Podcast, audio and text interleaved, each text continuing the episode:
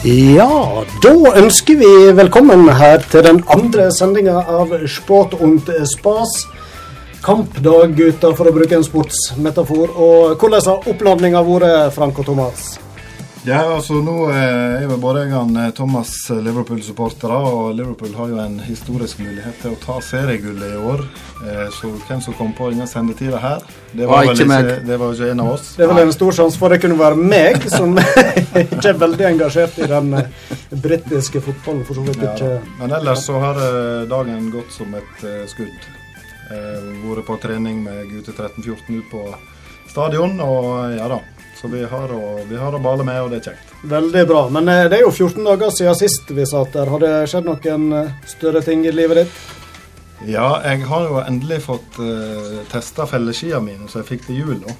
Uh, så vi, jeg og Hilde tok oss en uh, tur opp på fjellet og opp til Holsetra. og og rasa rundt i løypene der en stund og fikk gangsperre og alt så. Ja, ja, ja. Mm. Felleskia, eh, er du fornøyd med det? Jeg eh, må bare fortelle jeg har hatt felleskia felleski et par sesonger over nå. For meg kanskje henger det litt sammen med tidligere skiløper og eh, litt sånn kresen inngang til dette med, med, med, ski, men for meg så er det litt sånn hva skal jeg si, Fjordland versus eh, mors kjøttkake. da. Altså, eh, det er helt greit, men du vet at det er noe atskillig bedre mm. der borte. Så... Med skisporet, Roy Aron, så ser jeg på meg sjøl som Fjordland. Så kan, heller du være, kan du heller du være mors hjemmelaga kjøttkake. Jeg er mors kjøttkake, eller iallfall higa etter det. Ja. Ja, ja, Veldig bra. Eh, Thomas, du ser eh, for så vidt eh, opplagd ut. og Hvordan har dine dager vært i det siste? Jeg har jo gleda meg stort til sending nummer to av uh, Sport om spas. Helt klart. Jeg har brukt tiden til å sette på håndball-VM for herrer. Ja, det er jo din store lidenskap, og du er vel fornøyd? Ja da, vi må, selv om finalen Jeg vil bruke et ord som stusslig. Ja, det, var, det var jo da jeg kom inn i håndball-VM, når det var finale. Ja, ja. Nei, jeg så nå det meste av Norge. og... Mm. Det har blitt uh, noen uh, timer siste par ukene. Ja, ja, ja. Lite støvsuging og uh, Forferdelig si, lite. Snømåking, eller? Ja, snømåking har det nå blitt. Uh, men det har vi nå fått plass til innimellom. Ja. ja, ja. Nei da, godt fornøyd med sølv. Det er godt å høre. Så, så, tenker jeg uh, vi kommer ikke unna en uh, ting som har skjedd. Uh, er nå er det lokalsporten, men vi er nå i sportsverden. Og i natt så gikk ei stor legende innen sportskommentatorverden vekk. Han Per Jorseth. Ja. 98 år gammel. Dette er jo ei legende. Absolutt. Han ble jo òg en voksen kar. Så en respektabel alder, det. Men jeg husker jo hans stemme fra da faren far min satt og så på skøyteløp før i tida. Og eh, Per Jorseth var jo da ei røyst så jeg fikk med meg i mange, mange mange timer der. I, med, i spann med Knut Bjørnsen. da. Ja, Knut Bjørnsen var jo òg en veldig dyktig programleder og, og kommentator. Men mm.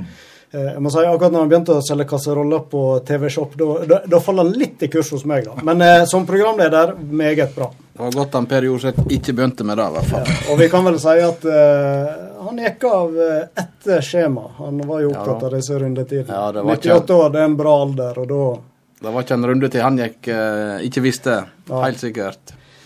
Eh, vi skal jo ha et rikholdig program i dag òg. Vi har ei hel liste her, eh, Thomas. Eh, ja. Kan du nevne litt hva lyerne har i vente? Vi skal jo selvsagt ha konkurranse, der folk kan eh, vinne vår eksklusive T-skjorte. Vi får storfint besøk. Sjur Ole Svarstad, tidligere landslagstrener, kommer innom. Vi skal snakke med Åse Ørjasæter. Hun eh, drev med speedskiing for 25 år siden. Vi får også besøk av Svein Olav Solum. Han skal snakke om sitt forhold til Everton. Og vi har litt av kort på programmet. Det har vi. Det skal ikke stå på å fylle minuttene vi har eh, før oss. Og så må vi ta med en liten nyhet. Programmet Sport und Spas. Vi har fått en eh, hovedsponsor. Ja. Johans pub. Johans pub den stolte sponsor av lokalsportmagasinet Sport und Spas på Radio Stryn. Og på i Stryn sentrum der er det mye godt i vente de neste to ukene. Førstkommende lørdag, søndag og mandag sender puben flere av Premier League-kampene. Besøk Facebook-sida for detaljer om hva kamper. Fredag 8. februar er det tid for å teste kunnskaper. Da inviterer de til pubquiz klokka 21. Lørdag 9. februar er det igjen klart for nye Premier League-oppgjør. Og tirsdag 12. februar og onsdag 13. februar er det duka for Champions League-kamper begge kvelder med avspark klokka 21. Følg Johans pub på Facebook og hold deg oppdatert om hva som skjer. Og husk, you'll never drink alone. Da eh, starter vi som eh, sist sending med å eh, snakke litt lokalsport, hva som har skjedd. Det er jo alltid nok å ta tak i der. Vi er heldige som har masse dyktige idrettsutøvere, både innen vintersporten og det er håndball og friidrett og mer så er. Eh, vi skal starte, Frank, med det som må kunne kalles en eh, sommeridrett. Selv om det nå blitt en helårsidrett. Men eh, iallfall på fotballsida, der har det skjedd litt i dag. Ja da, vi er da veldig stolte av å være verdens første radiostasjon som omtaler Stryn sin siste overgang.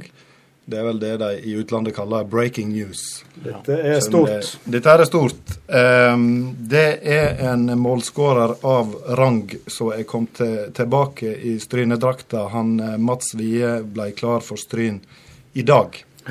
Og han er vi så heldige å ha med oss på telefon. Er du det, Mats? Det er jeg. God dag, god dag, og velkommen tilbake i Stryndrakta. Jo, takk for det. Hva var det som gjorde at du nå velger å gjøre, gjøre comeback, eh, comeback i Stryn? Nei, jeg savner veldig mye guttene på laget og folka rundt fotballen og selve plassen Stryn, da. Jeg eh, følte det var noe som mangla når jeg var hjemme igjen på Sandane. og Det var rett og slett dette den miljøet og kameratskapen og garderobekulturen og måten å spille fotball på som jeg har lengta litt tilbake etter. Så eh, det var ganske enkelt å kjenne på at jeg ville tilbake igjen litt.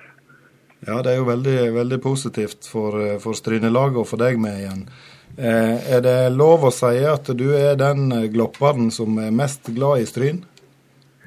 Det er vel lov å si. ja. Folk blir vel overrasket over eh, hvor mye godt jeg har å si om Stryn. Så det, det er lov å si. Ja, det er veldig bra, Mats, og eh, veldig stas at du kunne være med oss her i dag. Og så eh, er det vel ei knallhard oppkjøring som venter nå fram mot seriestart. Ja, det blir det. Nå har vi vært skada siden august, da, så eh, har det vært litt fram og tilbake med opptrening og slått opp igjen skadene og sånt. Men nå har vi kontakt med Are Njøten og prøver å spikke et godt opplegg, så skal være klart til å knuse Eid i cupen. Arne Njøten har jo magiske fingre, så dette her går vel som en drøm. Ja, Are Njøten er da fysioterapeut, bare sånn at vi kan nå legge det til som en opplysning. Ja, ja, han er dyktig, han, så han eh, skal få lov til å gjøre meg klar til uh, Eid i cupen. da. Men du, du eh, Mats, du har jo et imponerende skåringssnitt for Stryn. Du har vel mål om å fortsette det, regner jeg med? Ja, jeg eh, satser på å fortsette det jeg slapp når jeg får derfra. Så eh, det kan bli spennende. Så håper jeg at jeg får Oppland med meg opp på topp. Det hadde vært fint. Ja. Ja nei, Stryn blir nok et lag å regne med i toppen av tabellen, det vil jeg tro. Ja, absolutt. Hva det, er det noen sånn uttalt målsetning for Stryn i år, Mats?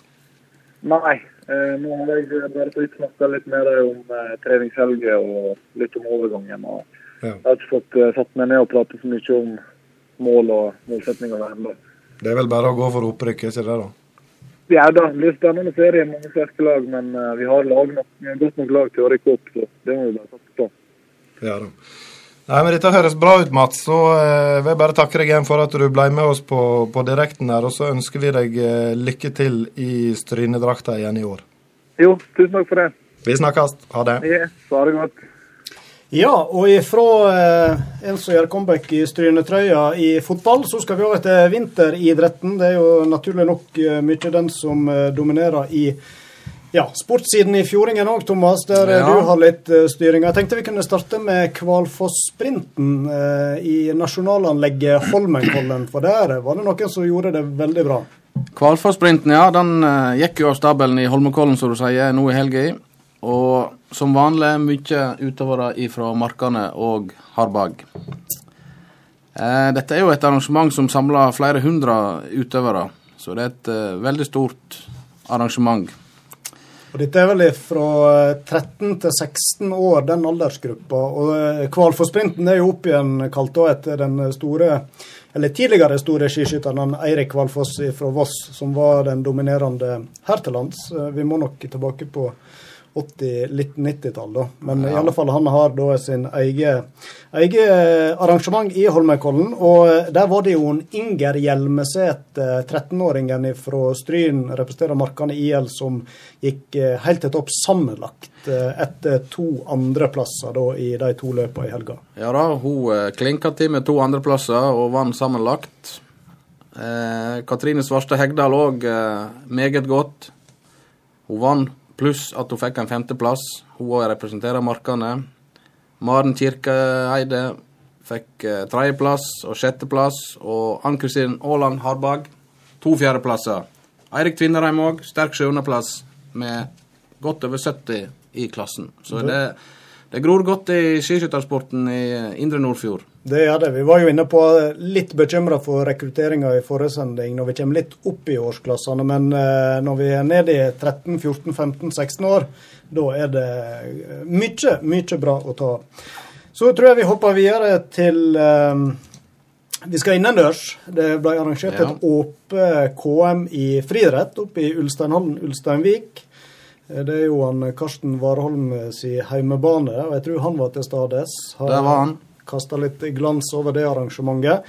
Men i alle fall, der var det jo vårt eh, skal vi si, svar på familien Ingebrigtsen som markerte seg. Jeg tenker på eh, Konstali Lødemel-familien. Jeg håper ikke at han Jarle de blir fornærma når vi bruker en sånn sammenlikning. Det må nå være ei ære. Jeg skal iallfall begynne å kalle han Jarle for Jarle Gjert.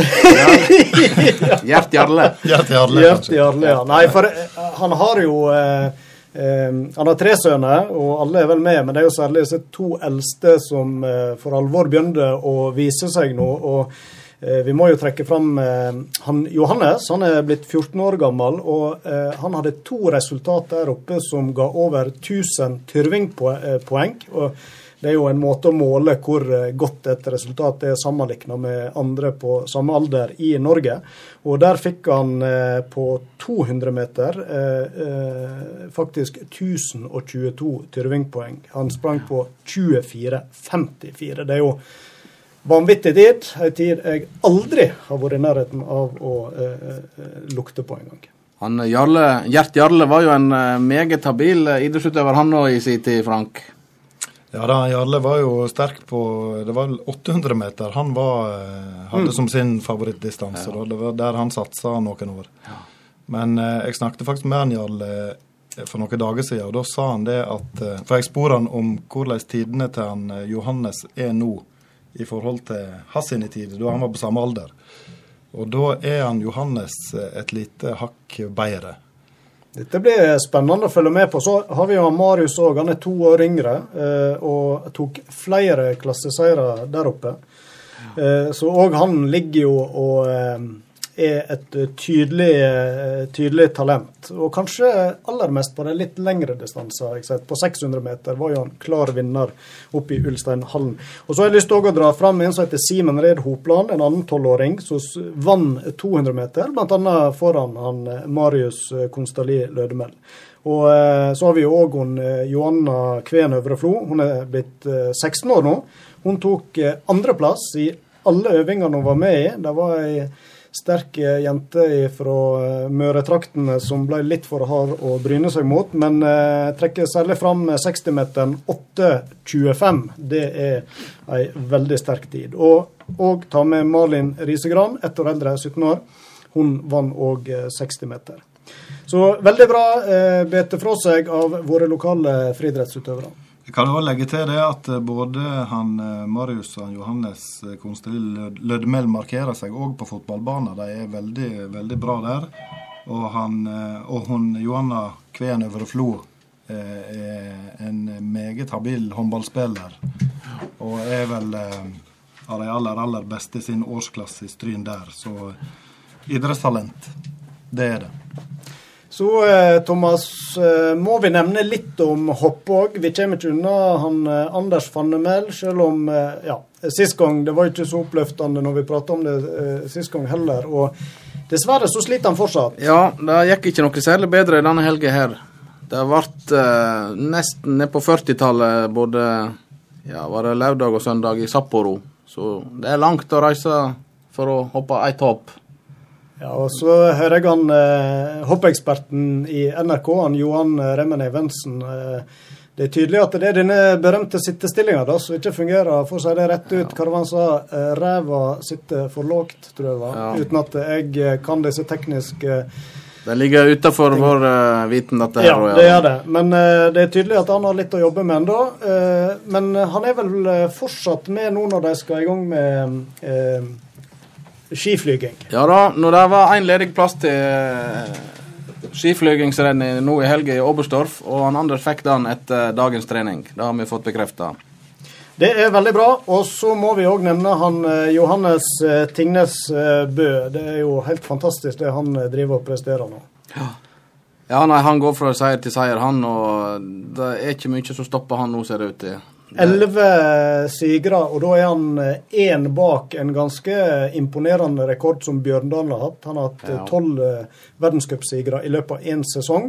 Den har stått seg lenge, men nå eh, er vel sjansene store. Jeg hadde Bjørndalen sjøl tippa at eh, Johannes vil klare mellom 14 og 19 seire. Det var hans sitt stalltips. Og jeg ser ikke vekk ifra at eh, det kan skje når han presterer på dette nivået. Nå har vel de eh, fri kommende helg, så eh, Ja, nå er det USA og Canada neste for skiskytterne. Yes, det var litt om eh, sporten. Var det Ja. et håndballresultat òg? Ja, jeg vil gjerne ha med at eh, Stryn sitt damelag er nå i gang igjen etter juleferien. Spilte lokaloppgjør mot Gloppen sist uke. Vant 24-18.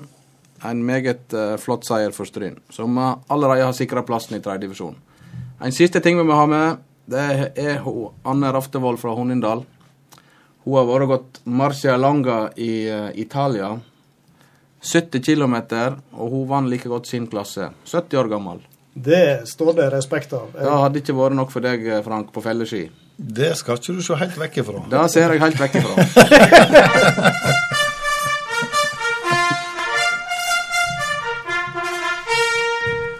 Da er det vel konkurranse, da. Det høres slik ut, ja. Ja, og siden vi har Sjur Ole Svarstad på vei inn i studio, så er jo dagens eh, spørsmål eh, skirelatert.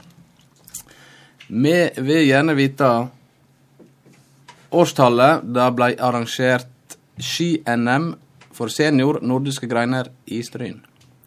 Ja. Ski-NM. Årstall. Og det er litt vesentlig det du sa at vi snakker om senior-NM, for det har vært litt uh, forskjellige NM opp igjennom her. Både junior-NM og ja. Problemet mitt nå er at jeg ser ikke telefonnummeret så det skal sende det inn til. Der har vi det, ja. Send inn svaret ditt til 99 59 57 79. 99 59 57 79. Da skal vi spille litt uh, musikk før vi går videre og skal prate med en som heter Odd Sindre Tonning fra Olden. Og de vi hører er i gang uh, allerede, er Stavanger-kameratene med Det er du. Har vi med oss en eh, ung kar fra Olden på tråden. Han Odd eh, Sindre Tonning. Og nå skal ikke vi lure lyerne, som det heter. Dette er faktisk et opptak. Og du, Odd Sindre, kan kanskje starte med å forklare hvorfor vi måtte gjøre det på den måten? Ja, eh, hei sann. Jeg skulle jo gjerne vært der live, men jeg er dessverre opptatt med arbeid. Jeg skal dekke Liverpool-Lester for liverpool.no, så da gikk det ikke helt eh, etter planen å stille på Sport und Spas direkte. Nei, for du har altså fått deg en eh, Vi kan vel kalle det drømmevikar slash sommerjobben for en som eh, har lyst til å bli sportsjournalist og er Liverpool-fan. Ja, absolutt. Det, jeg hadde ikke trodd at jeg skulle få, eh, få den stillinga hos eh, den norske supporterklubben til eh, Liverpool. Så det var veldig kjekt når, eh, når det faktisk gikk. og eh, jeg får muligheter til å følge klubben eh, så tett som mulig i løpet av sommeren. Det var helt, eh, helt gull. Denne jobben hadde jeg og du og Frank tatt hadde vi vært 20 år. Hadde ikke stussa et sekund. Nei, dette, der, eh, dette må bli bra. Men du Odd Sindre, du er 20 år, ja, og du studerer journalistikk i Volda. Det stemmer, ja. Og da var du i England før jul på et ja, par-tre måneder opphold, var ikke det slik? Ja, det ble vel fem måneder til slutt som et lite utvekslingsopphold. Det, det er riktig. Ja. Og da, eh, selv om du eh, har Liverpool som eh, din klubb, så veit vi jo da Du var jo med oss i Fjordingen nå i sommer som sommervikar, og da kom det jo fram at du heier på et lag som er ganske langt ned i divisjonene, for å si det slik. Står ikke ofte på oddsen, i hvert fall. Det, det er nok sant. Det er, det er litt mindre kjent enn eh, Liverpool eh, for de aller fleste, vil jeg anta. Ja, og da eh, Da må du nesten fortelle lag òg. Hvem er det du Ja. holder med på? Mm. Eh, Det heter Altringham FC og spiller på nivå 6 i England. Nå er vi litt inne i nerdgruppa, er ikke vi det? Når vi... Nå, nå er vi inne i materien i engelsk fotball. Men uh, Odd Sindre, hvordan, eh, hvordan skjedde dette her? Eh, oi, gjennom eh, Football Manager, dataspillet, eh, for en sju-åtte år siden, så eh, bestemte jeg meg for at jeg ville ha en eh, ny utfordring. Så da stakk jeg til den laveste spillbare ligaen i England, og valgte i grunnen det første og beste laget, som var eh, Altringham. da. begynte på A, ja. Har det bare utvikla seg derfra, egentlig. ja. Men du, Odd Sindre, du har, jo, eh, du har jo hatt diverse verv der borte i klubben, har ikke du det? Ja, eh, jeg har hatt litt Iallfall hos damelaget. De har jeg fulgt veldig tett mens jeg var borte i, England. Og da fikk jeg jo dekke kampene deres og skrive kamprapporter fra deres kamper. Og så eh, skrev jeg også noe forhåndsstoff før eh, kampene. Var med på treningene deres og, og fulgte klubben ganske tett i grunnen. Det gjorde jeg. Det, det må jeg si, altså. Det, og til og med damelaget, da, da snakker vi, da er det interesser på topp. Så interesser på topp, ja. Ja, du- Det var en fantastisk opplevelse. Sjette Det divisjon og damelaget, da det, det er imponerende, altså. Han Frank han er stummer, han vet ikke hva han skal si. Jeg, jeg syns dette er veldig fascinerende å høre. Jeg har spilt en del football manager sjøl, eller championship manager, som det heter, mm. før i tida. Så jeg kjenner, til, jeg kjenner til disse problemstillingene du, du kommer med der, at det er litt kult å, å finne et lag i lavere divisjoner, og så ta det oppover. Men Det er jo hvis, absolutt det. eh, Ja. Men hvis valget sto mellom en Liverpool-kamp og, eh, og Altringham, da, hvor er banka hjertet hardest? Jeg tror faktisk nå eh, begynner det å helle mot Altringham, altså. Det er, det er litt eh, rart å si det, men eh, det ble faktisk litt mer eh, sånn familiefølelse, kan jeg vel kanskje si. Eh, det, det blir litt annerledes å være der sammen med ja, rundt eh, mellom 1000 og 2000 eh, tilskuere. og Spillerne kommer bort og hilser på etter kamp og sånt. Du får ikke det samme i Premier League, så det lurer faktisk på om det er Altringham med begynner å helle. Det er jo liksom Det er mange som sier at nede i divisjonene at sjela ligger i engelsk fotball. Ja, absolutt. Og det er jo så mye frivillig arbeid i klubben òg. Blir jo drifta på minimale budsjett og sånt. Så det er jo, eh, det er jo helt, noe helt spesielt med fotballen eh, langt der nede.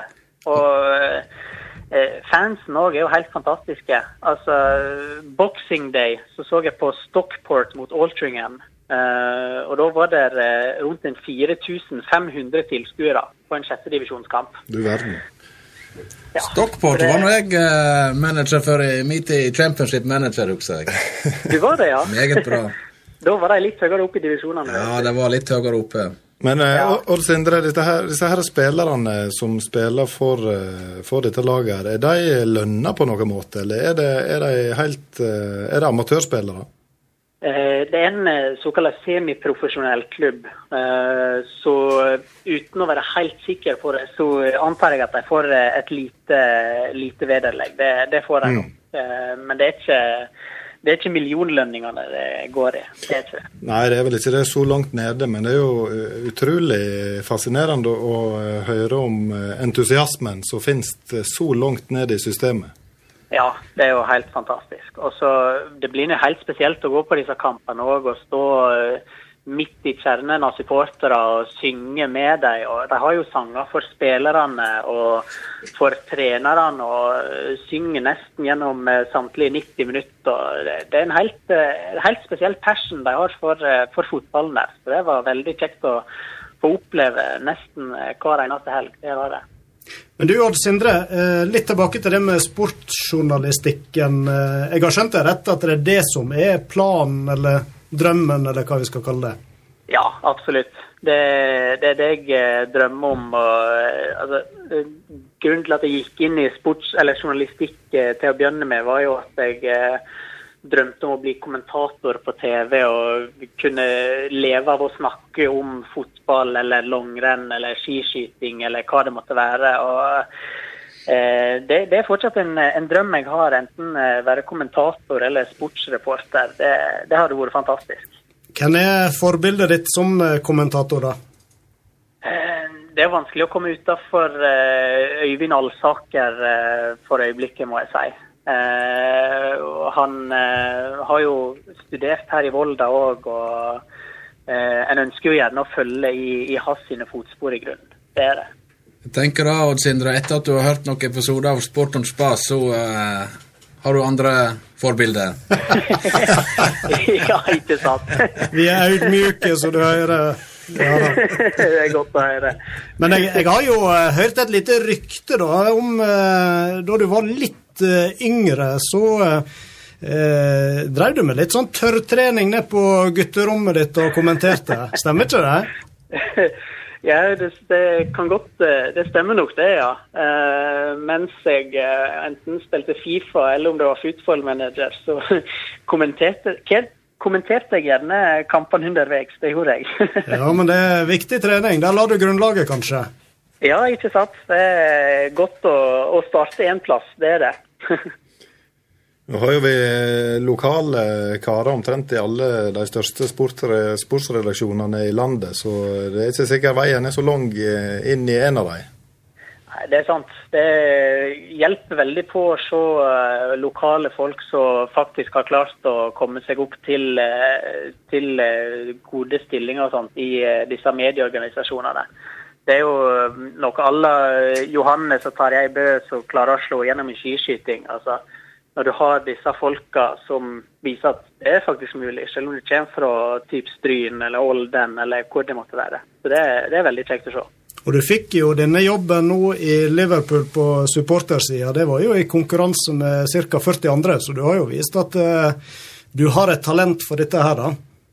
Ja, var, det var god konkurranse der. Eh, og til å begynne med så fikk jeg jo ikke stillinga heller. Eh, det var jo først når de eh, over jul eh, innså at de eh, trengte enda en eh, vikar og sommerjobb, eh, eller arbeider til sommeren, eh, at de tok kontakt igjen og lurte på om eh, jeg fortsatt var interessert. Så eh, eh, det viser jo at det var god konkurranse. og Jeg eh, gleder meg til å få prøve meg eh, i, eh, i liverpool.no. Det gjør jeg. Og Elddåpen den får du på onsdag når vi har Sport om Yes. spas-sending. Og da eh, ønsker vi masse lykke til både med den jobben og med Altringham og Liverpool, og ikke minst utdanninga di og framtida som sportsjournalistikk. Tusen hjertelig takk for det. Det setter jeg pris på. Ja, Det var De Lillos, det, med en baby dro av sted. Det var vel ditt musikkønske, Thomas? Ja, det var i panikken. Jeg kom ikke på noe annet. Ja, men det var ikke det dummeste valget, det. Men eh, jeg tror vi skal repetere konkurransen eh, før vi Ja. går videre. Det, Jeg kan jo bare si at eh, det renner inn med svar. så her er det rift om uh... Rift om skjorta. Ja. Ja. Men hva, Bare skyte inn at det er 1-0 til Liverpool. Er det det, ja? Yes. Det var det du applauderte for, ikke at det var mange svar. Ok. Jeg trodde Ja. det var at vi hadde fått inn så mange svar. Nei, det Nei, vi lurte da på uh, årstallet ski-NM for senior nordiske greiner ble arrangert i Stryn. Det var litt uh, til ære for vår uh, gjest at vi tok et skirelatert spørsmål i dag. Men send inn svaret ditt til 99 59 57 79. Så er det med i trekningen. Ta det en gang til, Thomas. 99 59 57 79. Og som du sier, nå har vi fått en eh, gjest i studio. Hovedgjesten vår, velkommen til deg, eh, Sjur Ole Svarstad. Ja, takk skal du ha. Ja, og ski-NM, ja. Nå skal ikke vi si hva årstall det var, like før jeg eh, sa det. Men vi kan jo røpe såpass at det er jo et NM du husker. Ja, det er riktig. Jeg, ja. jeg levde. Du levde. Det. Kanskje vi skal være forsiktige med å bevege oss inn på, så vi gir for, ma for mange hint. Men eh, velkommen, ja. Tidligere landslagstrener for eh, det vi må kunne si er verdens beste kvinnelandslag. Vi tar ski, da. Nei, innenfor langrenn så er det vel det, da. Eh, så det får vi tro at de fortsetter med i mange år til. Så det var, det var en stor ære å få være med dem på tur. Ja. Eh, Hvordan er det nå å sitte hjemme og se eh, verdenscup fra kanskje eh, sofaen eller godstolen? Kribler litt, eller? Ja, vet hva, Det er altså så avslappende og deilig å bare kunne sette seg bak i sofaen og ikke ha noe press på seg og lave skuldre. og Det kan gå, det får gå som det går. Og så er det jo, er det jo fint å kunne jeg kunne bare slippe å kjøre eller fyke flere timer hjem igjen etter skirennet. Så her er stort sett bare fordeler. Så eh, det, det går veldig fint, altså. Ja. Men du følger med? Det er ikke sånn at du nå har meldt deg eh, helt ut? og... Nei, er du gal. Jeg har sett, eh, jeg har sett hvert minutt av worldcuprenn i vinter, så jeg syns det, er- det er veldig eh, interessant eh, å se. Jo, du har nå vært i, det, i dette gamet noen år, sånn at eh, en klarer ikke å gi, gi slipp på, på den interessen. Nei, så. Men det er som sagt det er fordeler òg med å bare senke skuldrene og sitte hjemme så de fleste andre og se på sportslørdag og sportssøndag. Det er faktisk veldig mange år siden jeg har kunnet gjort. Så det har jeg eh, liksom tenkt at eh, Ja, jeg har sett litt fram til det, faktisk. At det, det kommer en dag da jeg skal gjøre det igjen. Så det, det har vært veldig artig.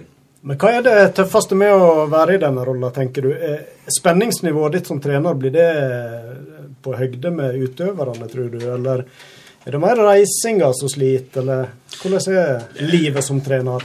Det, varierer sikkert veldig fra, fra trener til trener. Eh, så jeg, jeg har nå høyt eh, spenningsnivå eh, stort sett om jeg er ute og fyker eller om det, om det er skirenn. Så, så jeg, eh, jeg på, jeg. Så jeg syns kanskje at det som var kjedeligst med med jobben var reisinga, og så syns jeg egentlig at det stort sett ellers var bare veldig, veldig artig. Så eh, om det var skirenn eller treningssamlinger eller hva det nå var, så var det stort sett eh, bare artige og minneverdige opplevelser. Så, eh, så det som var kjedelig, var jo eh, det å, å være på reisefot, og det å eh, ikke se familien, da. Det har nå vokst på seg litt hjemme der. Så da, det, var, det var sånn som du merka iallfall siste år, at det, det var kjedelig. Men eh, det var stort sett veldig artig. Hvor mange, hvor mange år var du i eh, landslagsmiljøet? Jeg eh, begynte på rekruttlandslaget som trener i 2011. Og så eh, var jeg med damelaget da fra 2016 til 2018. Så det var, var sju år med, med en del samlinger og, og skirenn, ja. Det var det. Så. Hvordan fikk du jobben? Nei, det var et veldig godt spørsmål. Eh, en søkte vel, sånn som de fleste andre, da, på en ledig rekrutt. Eh, landslagstrenerjobb. Jeg hadde nå jobba, noen år på et skigymnas og, og eh, hadde jobba på Krinslaget i Sogn og Fjordane før, eh, før den tid, så han hadde nå vært med noen år. Så, så eh, det var jo en artig artig ja, mulighet, da, hvis at en, ja, hvis at en søkte og fikk tilbudet. Da var det sikkert mange som gjorde det, så jeg hadde nå hatt, hatt litt flaks òg. Men det var, det var iallfall artig å få, få sjansen. Greit å ha på CV-en. Ja, det er klart når du skal til å, søke inn på Stry videregående, så er det greit å ha sånt på CV-en. Så det, det var jo veldig bra. Så eh, Nei, det var, det var Jeg husker faktisk at jeg, eh, jeg eh, Litt sånn langt fra langrenn, så satt jeg faktisk på pub i, i London der og, og, og drakk øl. Jeg tror jeg var i et sånt 30-årslag i, i 2011, når en da fikk, fikk telefon om at en var, var kommet gjennom og skulle få, få, få komme på intervju. Så da, da ble det, ble det, ble et par til. Da la du kort i banen, for å si det sånn? eller? Ja, da var det fullt kjør. Men eh, nå vet jeg eh, Roar Hjelmeset eh, har jo gått eh, litt i skal vi si, skisporet før deg. da. Han har jo eh, vært innom lignende jobber. La han inn et godt ord for deg, han tror du, eller? Ja, Det er nå aldri helt godt å vite, da. Men jeg, ja, jeg håper jo det. Vi har jo, vi har jo kjenner jo hverandre litt fra, fra Hovden-tida, altså skigymnastida, før, før jeg begynte i, i Skiforbundet. Så han Vi, har- vi har nå aldri jobba skikkelig i lag da før i 2016. Men vi hadde nå noen, noen samlingsdøgn i lag før, før den tid og litt sånn. Så så det, det var en, eh, en veldig dyktig, dyktig trener som jeg har lært mye av. Mm. Men før du kom til trenerrolla, du har vel kanskje en slags skikarriere bak deg du òg? Det starta vel igjen der? Ja da, jeg eh, har Jeg, har, jeg, vil jo ikke gjerne si en lang skikarriere, da, men jeg eh, har nå gått på ski hele mitt liv. Jeg, eh, jeg har brukt mange timer og helger oppe i Ulsheim der en har, har lært seg å gå på ski, og, og etter hvert etter hvert var det med i juniorgruppe der. Vi, jeg holdt vel på at jeg var 17-18 år da. og, og ja, stortrivdes med, med det. Det gjorde jeg. Vi var en lita, lita gruppe i markene den gang, men det var, det var fint miljø. og vi sto nå på så best vi kunne. Resultatene ble vel aldri på høgde med Roy Aron Myklebust sine, men eh, det er ikke alle som kan nå så langt. Så. det er litt artig du nevner det, for eh, nå er jo eh, tre år mellom oss, men det var jo en tid jeg husker jeg godt der vi begge var vel på kretslag, og vi får iallfall på litt samlinger rundt om. Og det jeg på en måte forbinder Sjur Ole Svarstad med, det er mens jeg kanskje er mer trasig og seriøs lå og skulle prøve å ta mine 30 eh, minutter med hvil mellom øktene, så føler jeg liksom jeg hører nest spøkete tonen til Sjur Ole Svarstad der i bakgrunnen. Så du var jo en miljøskaper, sånn som jeg husker det. Jeg tror nok jeg var først og fremst viktig for miljøet og ikke medaljestatistikken. Men så tenker jeg òg at Eh, det er jo egentlig bra å ha litt forskjellige typer prestasjonsgrupper. Vi husker på Krinslag de dager som, eh, som, jeg ikke var god nok til å komme inn på. sånn sett. Jeg var med på noen samlinger, men eh, det var nå egentlig veldig mange flinke i min årsklasse. Altså blant Norges og verdens beste juniorer, faktisk. Så jeg tenker jo at en, en kan jo iallfall En kan jo håpe da at en var med og gjorde at de hadde litt kjekkere samlinger og litt kjekkere rennhelger. Selv om det var ikke alltid skirenn jeg gledet meg mest til, jeg. Men det var, det var en artig artig å reise rundt med, med, folk som var flinke på ski. Det tror jeg absolutt. Og langrennsløpere er vel kanskje ikke sånn generelt kjent for å være de mest uh, crazy folka. Så uh, miljøskapere. Men det gjelder jo alle idretter. da. Klart det. Og det, som trener så er det kanskje noe du vektlegger, har vektlagt, og gjør det fortsatt, å ha med de òg. Ja, det er klart det. Og nå, nå har en jo eh, altså Når en jobber på landslag, så var det nå de beste løperne som er, og de beste var nå sånn som de, de var. Noen var nå artige, og andre var mindre artige, skal jeg snart. Men det er jo, det er jo eh, litt annerledes på, et, eh, på en videregående skole. da. Der har du jo, eh, har du jo noen som er veldig flinke, og så er det andre som kanskje ikke holder det nivået. Men samtidig så kan de være vel så viktige for gruppa som helhet. Og det er jo det det egentlig handler veldig mye om, iallfall i, i uh, grisgrendte strøk på Vestlandet, så er det egentlig å få samla ei gruppe som uh, kan jobbe i lag mot, uh, mot noen mål, og kanskje da noen kan bli, kan bli god til slutt. da. Så jeg tror det er veldig, veldig viktig jeg, at en, at en har en litt sånn sammensatt gruppe. Så, mm. Mm. Jeg kan bare få skyte en liten ting der når du snakker om han Sjur Ole som en artig kar. Eh, jeg husker jeg og min onkel eh, Paul var oppe på bensinstasjonen på Otta for en god del år tilbake. Og Da visste jo jeg hvem du var, Sjur Ole, og du visste jo hvem vi var, men jeg kjente jo ikke deg så godt. Så det var egentlig mest naturlig at vi bare nikka til hverandre og kanskje ikke sa så mye, da. Ja. Um, men så kom du mot oss, og så sa du til oss sånn helt overraskende da Har dere hørt hva som har skjedd? Har dere hørt det? Og jeg ble jo helt paff og sånn Nei, hva, hva er det for noe, da? Han, hun eh, Tone Damli skal piskere gifte seg med han Aksel Hennie. Nå må jeg snart kjøpe sjå her. Ja, det er jo uh, Så uh, det var jo uh, Det er en historie jeg aldri Jeg klarer jo ikke å huske at jeg har sagt det, men det var jo Det er ikke jeg, jeg, jeg, kom hjem igjen, og så sa jeg Eller når du fortalte det, du har jo sagt dette her en gang før til meg, ja. så da sa jo dette hun samboeren min at han Frank Olav mente at jeg har fortalt det oppe på Otta, da. For det var jo vår første gang vi har snakka i lag. Otta, det, det var det vel kanskje. At jeg har sagt det, og så sa jeg kan ikke huske at jeg har sagt det. Og så sier hun det jo. Vet du hva, du sier altså så mye gapete. Det har du helt sikkert sagt.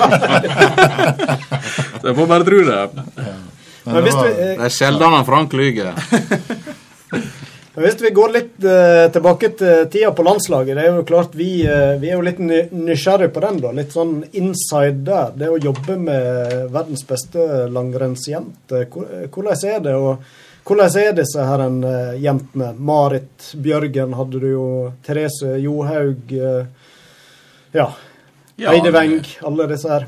Vel, ja, nei, det er jo, uh, det er jo det var veldig eh, spennende tider. Det er noe, eh, det er noe eh, hva skal jeg si da, Det er noe eh, et spesielt yrke de driver. da. Det er noe på mange måter eh, veldig seriøst inn mot eh, det som heter fysisk trening. og og det å prestere resultat over tid. eh, Så, så de lever jo sånn sett under et ganske sånn sterkt press. Og du eh, aner jo det når du da får jobbe med dem, at de, eh, de setter seg veldig tøffe mål og, og har gjør knallharde prioriteringer. Så sånn sett så, så var det jo spennende å jobbe, jobbe la med noen som har en sånn prestasjonskultur. Det er jo, eh, det er jo spennende å se hvordan de, de beste gjør det.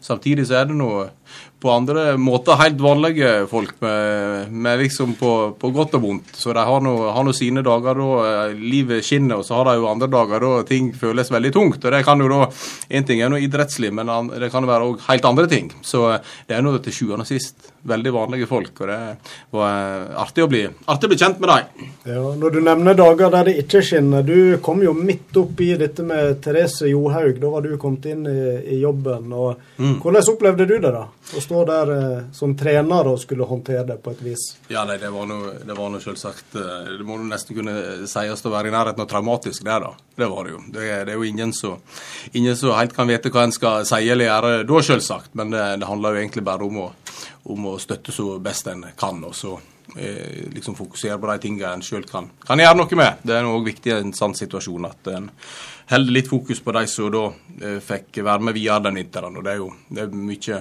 Ja, det var, det var liksom mange, mange viktige renn og VM og alt mulig for resten av gjengen òg, så det var noe En kunne ikke grave seg helt ned sjøl heller, da, sjøl om en hadde noe egentlig litt lyst til å gjøre det.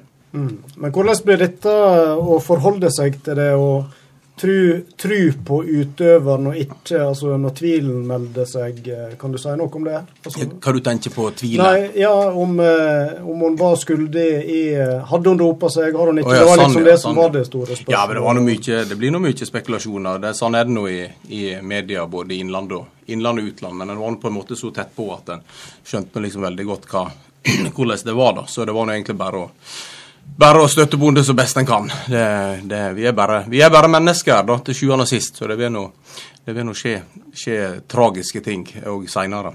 Og så har jo hun kommet eh, vanvittig sterkt tilbake. Vet ikke om det overrasker deg? Nei da, hun, eh, hun er nå en fantastisk god skiløper, og jeg må jo si jeg gleder meg jo enormt eh, på, på hennes vegne over det hun nå får til. Jeg Nå håper jeg bare at hun får til et veldig veldig bra verdensmesterskap i, i C-felt, så det, det, det er unngjegne. Litt tilbake til dette med å skape et godt miljø, og hva det har eh, betydning for ei eh, treningsgruppe. Og hva rolle du som trener har der, og litt hvordan du tenker rundt, rundt trenerrolla. Kanskje du kan si litt, eh, litt om det, Sjur Ole? Ja, det er et veldig interessant spørsmål. Jeg tror at trenerrolla handler veldig mye om engasjement. Det å skape gode opplevelser. Det å være uhøytidelig. Eh, at folk skal ha det kjekt i lag eh, på tur. Jeg tror det er veldig viktige, viktige verdier som en trener bør ta med seg. Det er veldig fort gjort at ting blir for høytidelig. Og jeg synes vi, Når et eh, damelandslag har det såpass mye løye på tur over eh, middager og treningsøkter, så tenker jeg at da, være, da må det iallfall være mulig å få til òg ned, ned i junioralder. Så det vil, det vil iallfall være noe jeg har veldig stort fokus på nå når jeg har tatt til i min, min nye jobb, at vi skal ha det løye lag, og at vi skal, skal først og fremst synes det er artig. Og så kan jo da noen kritisere meg og si jo, men handler ikke det om å skape toppidrettsutøvere? Men jeg tror kanskje det at det å skape et, eh, et godt miljø med litt forskjellige typer òg kan eh, få fram toppidrettsutøvere. Så eh, vi må først begynne i bredden, og så eh, vil det kanskje komme noe, komme noe frukter av det etter hvert. Når du snakker om eh, damelandslaget, hvem, eh, hvem var det i det miljøet som på en måte var klassens klovn? Nei, alle var jo morsomme på eh, hver sin måte. Jeg syns jo Heidi Weng er jo ei veldig artig dame. Hun er morsom. Hun kan jo ha, ha, ha dager da hun er så distré at du, du nesten kan le deg i hjel. Så har han jo jobba med ja, Martine Kagen var jo innom laget noen år, og hun òg hun kunne jo glemme igjen de mest utrolige ting. og Det var mange morsomme episoder der. Så, men alle hadde sine artige ting, eh, egentlig. Men eh, det er absolutt eh, et godt miljø og veldig mye latter og moro. Marit Bjørgen er jo på en måte eh, ei vi ser på som kanskje den mest eh, seriøse som har vært de siste ti år, iallfall. Mm. Hvordan var hun? Kunne hun være en uh, klovn i miljøet òg, eller? Ja, jeg syns hun var artig. Hun hadde sans for humor, hun. Absolutt. Så jeg syns hun, hun, var uh, artig dame. Det var ikke hun som snakka mest, eller hadde liksom mest behov for å for å uttale seg om alt mulig, men uh, hun uh, tilførte jo gruppa uh, mye humor òg, i tillegg til all den tryggheten og rutinen hun da, da hadde. Så ja da, absolutt. Hadde glimt i øyet, hun. Mm. Og så er det jo det med, med å være trener, så iallfall på det nivået, så vet du det er litt begrensa hva innflytelse du kan ha på resultatet òg. Kanskje du kan si litt om om den biten av det? Ja, det er riktig. Hvis du, hvis du, skal være trener for de beste i verden, så føler du deg jo kanskje, iallfall til tider, da, litt mer som en tilrettelegger enn en, en trener. Det er noen grenser for hvor, hvor, mye du har å lære vekk til Marit Bjørgen. Selv om en, en, når en går inn i en sånn rolle, så skal ikke en Jeg tror det er viktig at en er utfordra og tar ting uh, umiddelbart. Altså hvis det er noe du, du har med deg fra tidligere, tidligere, jobber, så tenker jeg kanskje at det kan være lurt å, å lufte det. Det kan jo være et innspill som en eh, hun ikke, eller de ikke har, har tenkt på før. Men jeg, jeg, jeg syns det er jo ganske stor forskjell på det å være trener på høyt nivå og det å være trener for videregående elever. Og det er jo på mange måter eh, veldig kjekt å være trener for juniorer igjen. Eh, føler at du eh, kan bidra enda mer til deres utvikling og, og hjelpe dem på på eh, ja, alt fra teknikk til treningsoppfølging til litt mer struktur i hverdagen. Til, til en del ting som kanskje var på plass da, for uh, de beste. Så uh, det syns jeg er kjekt å, å prøve igjen.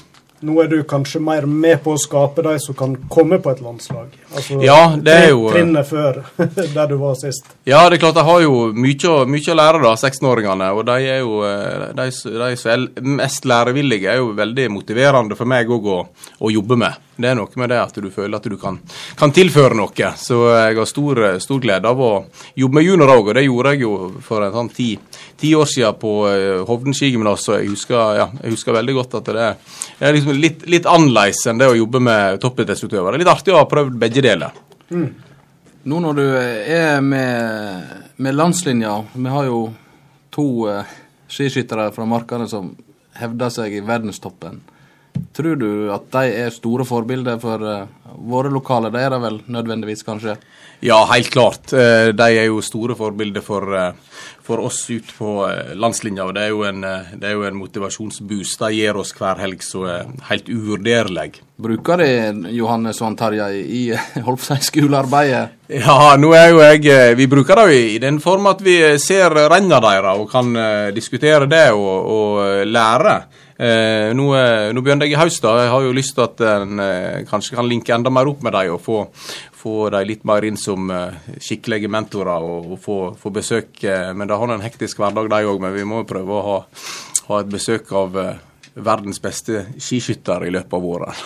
Men, men, hva du tenker, er dette Vi snakker om sånn her en 200-årsflauma. Eh, hvor stor er sjansen for å få eh, et eh, tilsvarende Tarjei Johannes fra Markan eller Stryn eller Harbag eller hvor som helst i nær framtid? Hva er oddsa, tenker du? Sånn Statistisk sett så skal det vel det sikkert være noen år til neste gang, men uh, vi får nå håpe på ketsjup-effekten, da. så, men jeg, jeg merker vi registrerer jo det at uh, stryninger har jo generelt store forventninger til den neste generasjonen, nå, fordi vi har jo verdens beste skiskytter, og hvorfor skal ikke vi kunne ha det? Resten av framtida. Og det er jo, så Stryninga er jo sånn sett eh, Det er jo sjelden har møtt et folkeslag som har større forventninger til eh, det en driver med eh, i forhold til eh, skiskyting enn en nå, da. Men det er jo bra at en er offensive. Og så eh, vet jo det at det, det han, spesielt det han Johannes driver med nå i år, det er jo ser jeg for meg at det er jo vanskelig for oss nesten å ta inn over oss hvor stort og fantastisk det er. For det at han er jo han er jo ikke bare verdens beste skiskytter, men han er jo desidert best. Så det er ganske utrolig å se på. Ja, og vi snakker òg gjennom tidene snart. Altså Det han presterer nå, er det ja, han har en Forkad som har vel eh, tatt tre seire mer så langt, men det kan jo fort bli slått i løpet av sesongen. Så det er, eh, vi er nok litt bortskjemt, som du er inne på her. Vi, vi har noen forventninger og er litt blaserte på det som skal skje. Ja, det er jo helt, eh, helt åpenbart. Men eh, det er jo fantastisk kjekt når det er sånn. Men det, det blir nå litt eh, blasert òg når en leser Fjordingen hver tirsdag at Johannes eh, Tingnes Bø vant eh, nok et verdenscuprenn i helga. Med, med lita skrift. Det er klart at uh, en, en tar det som en selvfølge, og så, så det er jo naturlig at det, sånn må det jo bli. Men, men sånn eh, sett i ettertid så må jo dette her, uh, denne sesongen her bli noen bør nå være vanskelig å glemme for oss strøyninger. stryninger. For det, det som blir gjort nå, det er jo bare helt fantastisk. Jeg pleier å sammenligne litt med at han eh, eh, Sjakk, om det er en idrett eller ikke, det kan diskuteres i andre fora. Men eh, der har vi jo en nordmann nå som er verdens beste, og jeg blir veldig fort vant med at eh, Selvsagt er jo verdens beste sjakkspiller norsk, men eh, det kan jo meget vel være at det tar iallfall minst 200 år til eh, neste gang. Så eh, det gjelder å prøve å nyte det òg. Men du, når vi er inne på store talent, eh, hvem er det største talentet du har trent, vil du si? Åh, det var et veldig interessant spørsmål, og jeg veit ikke helt svaret på det, altså. Jeg husker jeg eh, Første gang jeg møtte en som heter Finn Hågen Krogh, som dere da kanskje kjenner litt fra. Legendarisk siste etappe Larti-VM Ja. for noen år siden. Helt. Ja, jeg syns det er bra at du sier legendarisk, fordi det er noe av det råeste mentale siste etappe. Altså, En som ligger fem sekunder jevnt bak deg hele tida og klarer å holde den luka. Det, ja, de er all ære til Petter Northug for sine siste etapper, men det, det var nå helt i særklasse å tørre å ligge der en fem-seks sekunder foran eh, VM-kongen. I ti kilometer. Det er, det, da skal du være ganske sterk. Ja. Så han, eh, han er et av de absolutt største talentene en har- en har vært på lag med. Han eh, var ikke en fyr som sto opp hver dag og, og trente og var ikke sånn super-duper-ivrig, men han hadde nok evne når eh, konkurransen begynte til å ta seg sammen. Så det husker jeg var, var litt sånn artig å være på tur med han, da. Men eh, klart, en har nå fått gleden av å, å, å være på tur med veldig mange store talent. Så eh, det, det Ja, en, en er nå så bortskjemt at en kommer nesten ikke på eksempel, selv om alle, alle nesten var, har vært veldig flinke, altså. Uten å nevne personer, men eh, litt sånn generelt om miljøet i Stryn nå, da, når du er på landslinja. eh, Kan vi forvente litt framover? Er det noe talent der?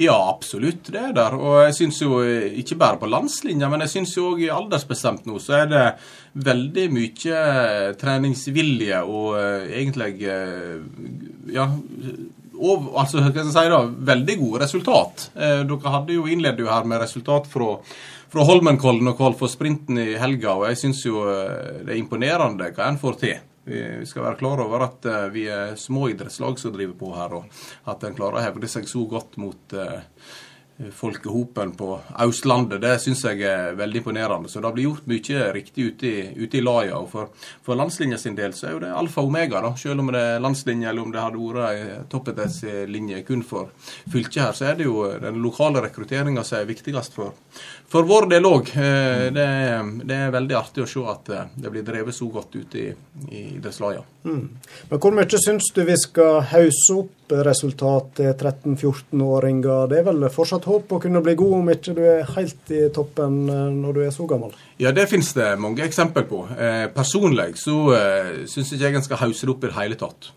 Det er mye viktigere å eh, produsere gode seniorløpere. Men det er jo noe med det at en blir motivert av å få det til i ung alder, og en, eh, så lenge en eh, klarer å holde fokuset og sette seg nye mål, så kan det holde, holde helt inn. Men det er òg noe med det at det er mye jobb som står foran. Så jeg tror det viktigste er egentlig å holde folk litt nede. Og, ja, de har alt å, alt å lære, men det er klart dette må være en veldig bra Bra motivasjonsboost eh, for eh, de, som, de som driver både trenere og ungdommer. For å eh, relatere litt til fotball, jeg har en lei tendens til å gjøre det. Eh, Bra, Frank. Men i forhold til det å være god i ung alder, så så jeg en, en, en sak på der de tok for seg et G15-landslag i fotball for ti år siden. Eh, og så så de da hvor, hvor eh, de lå an som 25-åringer, da du skal nærme deg toppen av karrieren. Og i den, eh, jeg vet ikke om det var en 18-mannstropp eller noe i den dur, så var det en som hadde et par innhopp i Tippeligaen, og så var det en som spilte i Obos-ligaen, og resten spilte i lavere divisjoner i Norge. Sånn at det var ingen som virkelig hadde slått igjennom av hele den eh, landslagstroppen på gutte 15 år. Og det gir jo et bilde om at det er ikke nødvendigvis de som er best i ung alder, som eh, nødvendigvis kommer lengst til slutt. Nei, det er helt klart. De har jo eh, forskjellige eh, utviklingskurver. Noen eh, er nå to meter før de er 15, og andre begynner ikke å vokse før de, før de er 15. Sånn at en, Og no en, noen begynner aldri å vokse. Noen begynner aldri å vokse. Snakk for deg sjøl. Ja, ja, ja, det var, det var liksom det jeg gjorde. Ja, ja. Prøv litt sjølironi. Jeg har hørt det. Det skal fungere bra. På radio. Nei, men Det finnes jo gode eksempler i langrenn òg på, på utøvere som har, har vært ganske langt nede på listene i hovedlandsrennet og virkelig har, har kommet utover. Jeg tror det, det handler jo veldig mye om at en, eh, en tar vare på ungdommen såpass eh, altså lenge nok. Jeg da. Jeg er jo redd for at det kan bli litt mye sortering i ung alder. fordi det er så eh, mange faktorer som avgjør om en tolvåring eh, går fort på ski, og dette kan eh, jamne seg ut eh, eh, framover. Så eh, den skal være litt obs på det, tenker jeg. At en prøver å ta vare på dem og se, eh, se, litt, eh, se litt hva indre motivasjon de har. Altså Er de veldig dedikerte til idretten sin og elsker det de driver med, så kan de dra eh, det ganske langt, altså. Og mm. da kan mange av de òg komme, komme seint, men godt. Så det, en, skal, en skal være litt obs på det som trener, tror jeg. At en ikke, ikke eh, liksom gir opp folk eh, for tidlig, iallfall. Det var det han eh, Johan Sigurdsson som var her forrige gang, snakket litt om den der indre gnisten. Og det er jo klart, som du sier, at det er forskjellige fysiske forutsetninger eh, i ungdomsåra oppover. Da. Men de som har den gnisten, de vil jo komme seg et stykke på vei uansett. Helt klart. Og det er sånn som en som trener eh, kanskje får litt erfaring i å identifisere òg. Altså at en, en ser at han der har noe ved seg. Og det, det viser jo, all, all forskning viser jo det at eh, skal du komme langt i idretten din, så må du iallfall ha indre motivasjon. Det må ligge i, i, i bunn. Og, eh, og da, er det, da er ikke det nødvendigvis sånn vet du, at du, eh, hvis du er best som 13-åring, og fortsatt har den motivasjonen som 17-åring, hvis du har fått opplevd alt og vunnet alt fram til eh, folk begynner å vokse og ta deg igjen, mm.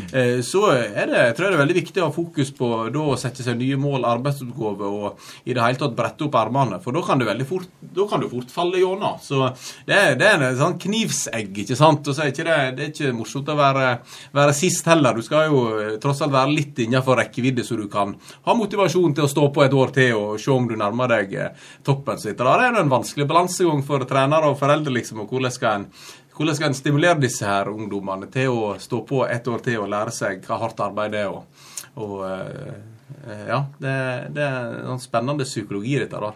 Og der eh, spiller vel forbilder en viktig rolle å skape den motivasjonen.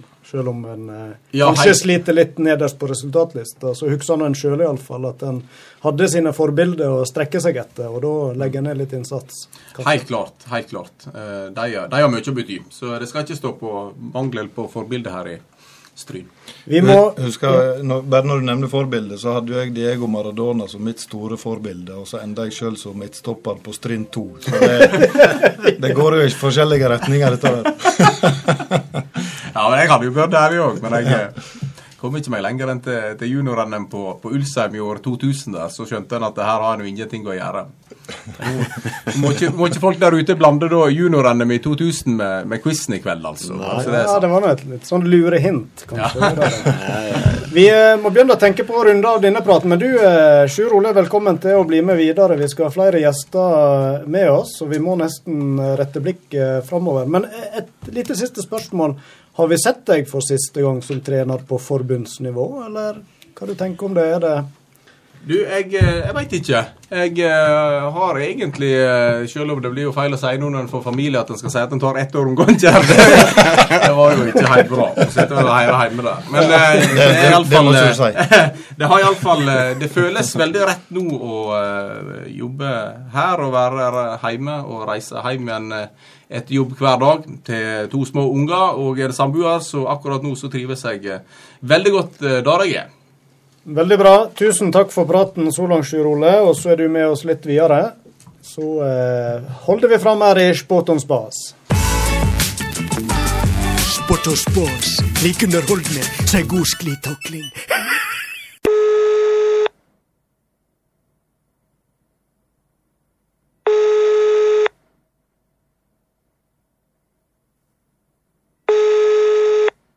Ja, hallo, ja. Ønsker å være en irritert mann over telefon. Altså Noe av det verste jeg vet innen eh, sport, og det er idioti. Og når du får det i kombinasjon, ja, da er det altså til å dauge. Jeg vil si at det er sportidioter det er en trussel mot samfunnet. Så bruker å si de er så tomflaske, de tar mye plass, men har litt å by på. Se bare hvor de fyller opp Facebook i helgene. Det er, jo, det er jo knapt plass til noe annet enn sånne østne fotballsupportere og hysteriske kvinnfolk som har sett børene vinne skiskyting og patriotiske håndøler som kaver seg opp bare fordi de har en fra bygda der som tilfeldigvis er nå i verdenstoppen i, i, i skihopping. Vi stakkarene som prøver å smette inn et og annet vettugt innlegg på Facebook om dieselavgift eller dårlig DAB-radiodekning. Vi drukner nå i all denne meningsløse der. Mens naboen vet du, sitter 50 meter bort forbi og fjerter etter potetgull og hoverer på Facebook over at Manchester, Chelsea eller Everton City eller hva fakers nå det heter at de har vunnet igjen, og soper inn kanskje en 50-60 likes på dette forbanna tullet der. Ja, så er det bare ei gammel tante eller hos svigermor som spanderer en liten like på mitt innlegg om disse helsikes elbilene som skal være forfordelte om alt mulig. Er vi virkelig kommet der, spør jeg, at det ikke skal mer tid for å ha noe å glede seg over? Da jeg vokste opp, så måtte det være et oljefunn ute i Nordsjøen eller en krig som tok slutt for at vi virkelig jubla. Nei, hvor skal dette gå med samfunnet, spør jeg bare når folk sitter rundt om i stovene og ler og gliser over sportsidiotiske prestasjoner, mens DAB-radiodekninga mellom Utvik og Tista er med til å grine. Nei, jeg nekter i alle fall å la meg grive med.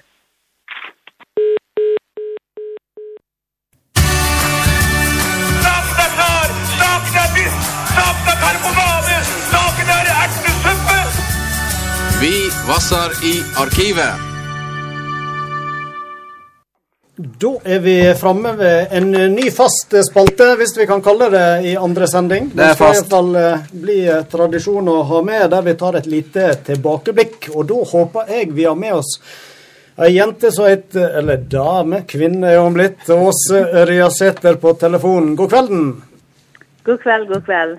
Ja, på midten av 90-tallet, hvis vi spoler litt tilbake nå, så eh, kunne vi stadig vekk eh, lese om prestasjonene dine. Og det var en idrett som ikke var altfor vanlig. Speedskiing, hva var egentlig det? Ja. Nei, altså Det lurte vel jeg òg litt på når jeg ble kasta ut i det. Det var jo tilfeldigheter som gjorde at jeg starta med det her.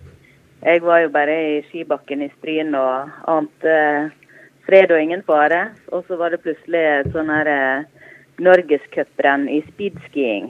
Og jeg heller visste ikke helt hva det var der og da. Men jeg havna på, eh, på heiskroken sammen med en av utøverne.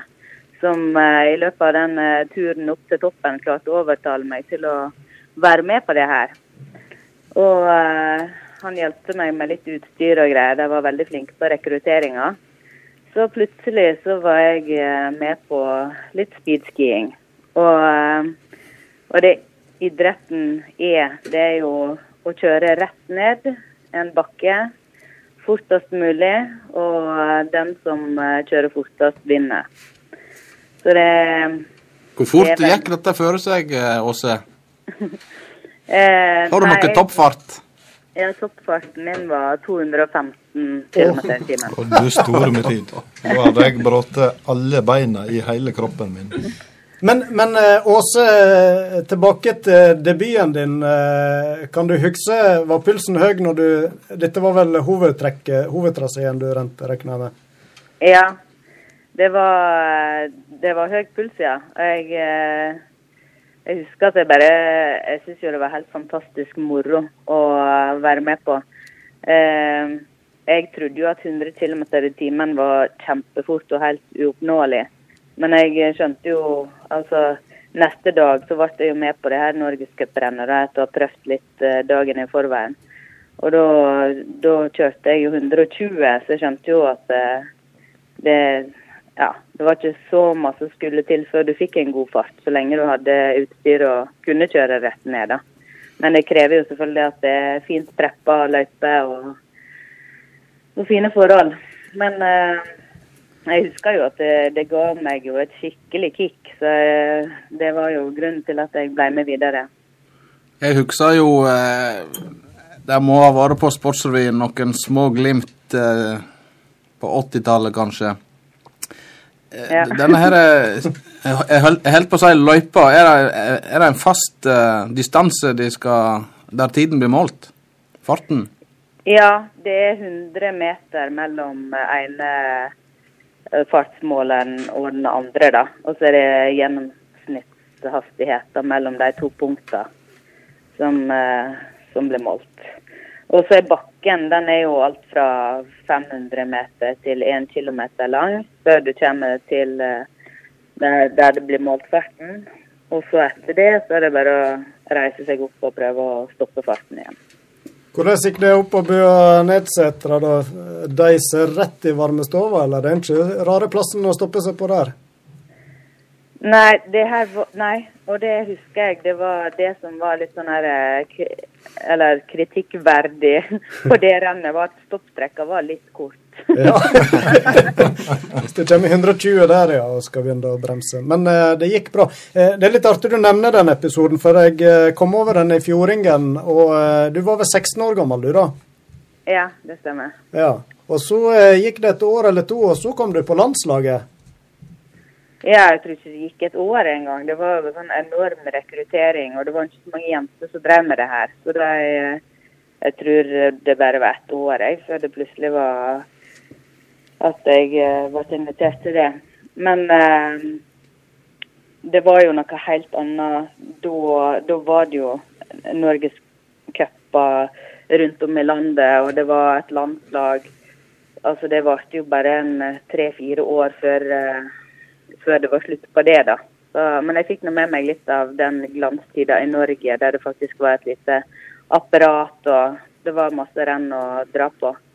Og så etter det så er- var det mest i Europa det foregikk, og det er vel der det foregår fortsatt. Det er jo fortsatt et lite miljø. Vi har jo med oss en eh, Sjur Ole Svarstad, og han har jo vært hatt en finger med i spillet på langrennslandslaget. Ja, ja. Men eh, det var vel ikke så store forhold, kanskje, på speedskiing-landslaget? Nei. Det var vel noe færre der, vet du. Ja, vi var, vi var færre, men den her eh, landslagskomiteen, den var jo dobbelt så stor. Jeg husker, jeg husker den første samlinga vi var på, på Gål og Høyfjellshotell eller noe sånt. Så tror jeg det var fem utøvere, og så var det vel 20 i staben. Det var litt sånn topptung organisasjon, dette. da. Det var, Ja, ja. La mest vekt på støtteapparatet. Men, men det Ja, var nå sikkert ei en spennende tid, og du var jo til utlandet og prøvde deg. Ja, det var jo helt eh, fantastisk for ei 16 år gammel jente og, og videre. Nå kom jeg ut i reise rundt i landet og rundt i Europa, og i tillegg drive med en sånn adrenalinfylt uh, aktivitet. Så eh, det var, det var kjempemoro. Hender hender det aldri at du datt, skada deg i stor fart? Eh, jeg, eh, jeg tryna en gang eh, Da var faktisk mamma og pappa. Det var eneste rennet jeg så på. Det var i Sverige. Da tryna jeg i 160. Så da, men eh, vi har jo sånne helt eh, gummi, glatte gummidresser. Så eh, en får ikke nok friksjon, så en sklir jo bare. Så, så det ble blå merke og litt brannsår og sånn, men det var ikke noe brudd eller Du sklir liksom bare, og bana går jo rett ned, så det er ikke så masse i veien. Men eh, pappa hadde akkurat trykt på eh, sånn her eh, firesekvens bildetaking i det fra jeg sto oppreist til jeg eh, ramla over ende. Og da så, så vi på ene bildet at jeg hadde hodet ganske nært ene fotocella som stakk opp fra bakken der. Så det er sånne hindringer som, som kan føre til skader, da. Hvis det er ting i veien eller du ja, reiser mot et tre eller noe sånt. Men ellers er det forholdsvis eh, trygt, og du sklir i samme retning som bana er. Dette er jo nesten en ekstremsport. Har du noe Driver du med noe lignende i dag? Nei, akkurat eh, i dag er det mest i barnebakkene jeg holder meg. Men eh, jeg eh, Jo, jeg, eh, jeg liker det veldig godt sånn frikjøring og toppturer og, og ja. er på litt, eh, litt spennende topper i ny og ne. Men du nærmer ikke deg 200 km i timen lenger. Nei, nei, nei. Det er helt annet, helt annet ligge på farten. Men, eh, men det var jo speedskiinga som gjorde at jeg ble veldig glad i frikjøring og annen skikjøring som jeg har vedlikeholdt seinere, da. Jeg eh, trente jo en del nede i de franske løypene, og var i kjempeflotte anlegg som ja, gjorde at jeg fikk en enorm skiglede på andre felt òg, da. Men du også, når du reiste rundt og, og konkurrerte i Europa, var det verdenscuprenn, sånn som vi kan holde på å si sammenligne med vanlige utforrenn og slalåm, storslalåm og sånt? Ja, da var det worldcup som jeg kjørte.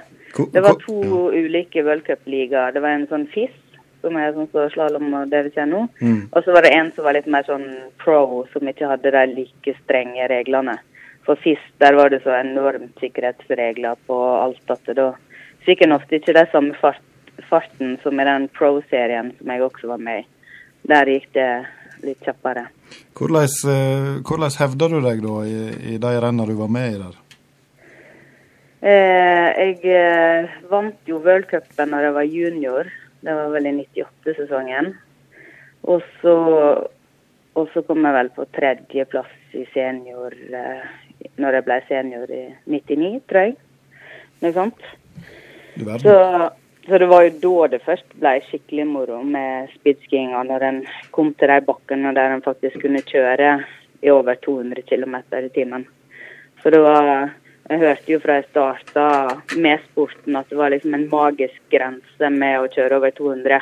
Det var liksom ikke bare tallet 200, men det skjer noe med, med skia, eller måten du kjører på. Med en gang du bikker, om det er 95 eller 205, eller iallfall rundt 200, så føles det ut som skia ikke har kontakt med bakken. da. Det blir nesten som et sånn lite lag med luft.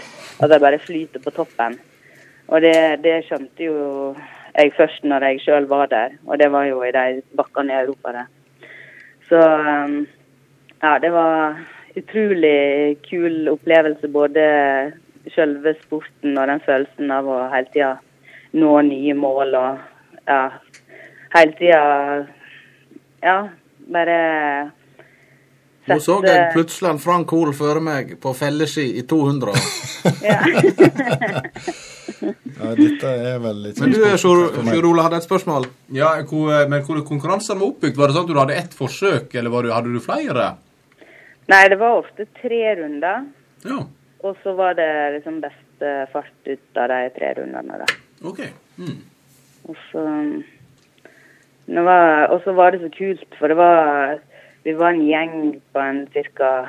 Opp mot 100 stykk som reiste rundt fra, fra renn til renn. Og det var alt fra japanere til Det var faktisk to sånne eh, indianere, ekte indianere, som hadde tatt veien. Så vi var, det var jo fellesskapen og det å konkurrere mot seg sjøl først og fremst. Og nå, ja, nå nye mål. Var det altså indianere som drev på med speedskiing? Ja, det var to stykker. Fun fact. Langt bak hår og kraftige smykker. Altså, det var liksom Det var sånn fantastisk sirkus å ta del i. Og reise rundt fra plass til plass ned i Europa og ja. Og så fikk en jo alltid skikkelig kick etter renna, da. Så alle var jo så gira og glad og Du frigjør litt eh, adrenalin etter 200 km i timen, vet du. Ja, ja. Det var, var skikkelig lykkerus på hele gjengen. Så vi var fin gjeng som reiste rundt.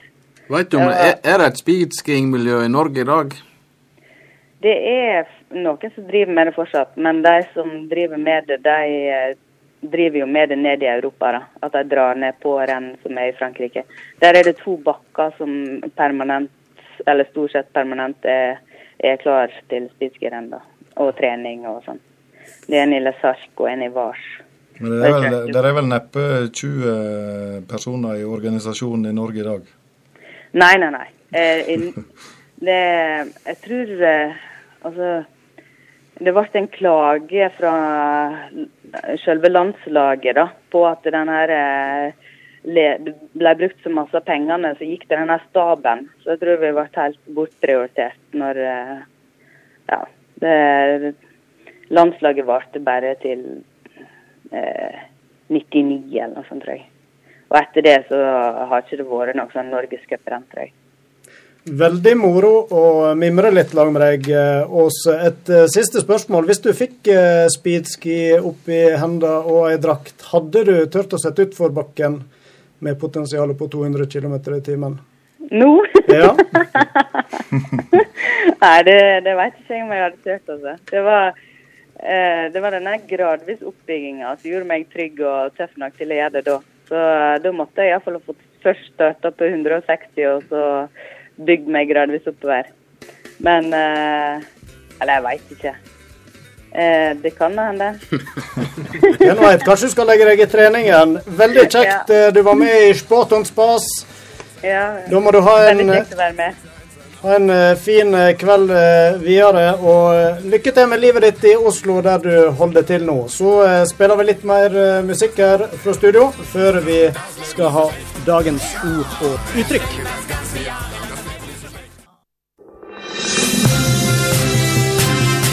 Sitat, ord og uttrykk fra sportens verden som du nå får servert, enten du vil eller ei, ved Frank Hol. Kjekt å høre favorittjingelen min igjen. Eh, I dag skal vi ta for oss et eh, veldig kjent uttrykk som eh, heter hat trick. Og du, eh, Sjur Ole, har du noe forhold til det?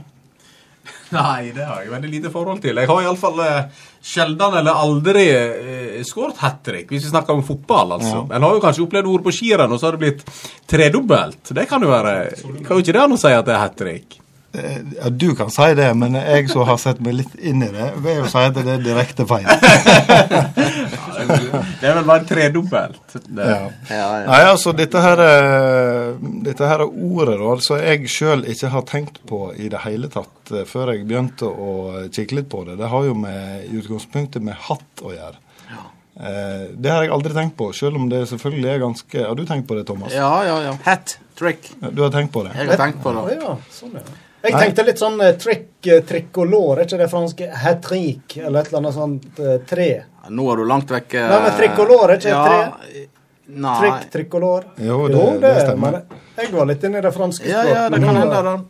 For det har jo med tre mål å gjøre, ikke sant? På rappen uten Det gjør det. Eh, det kommer jo da fra, fra engelsk eh, og betyr da egentlig oversatt til norsk eh, 'trikset med hatter'. Ja, ja. Eh, Men du, Frank. Ja.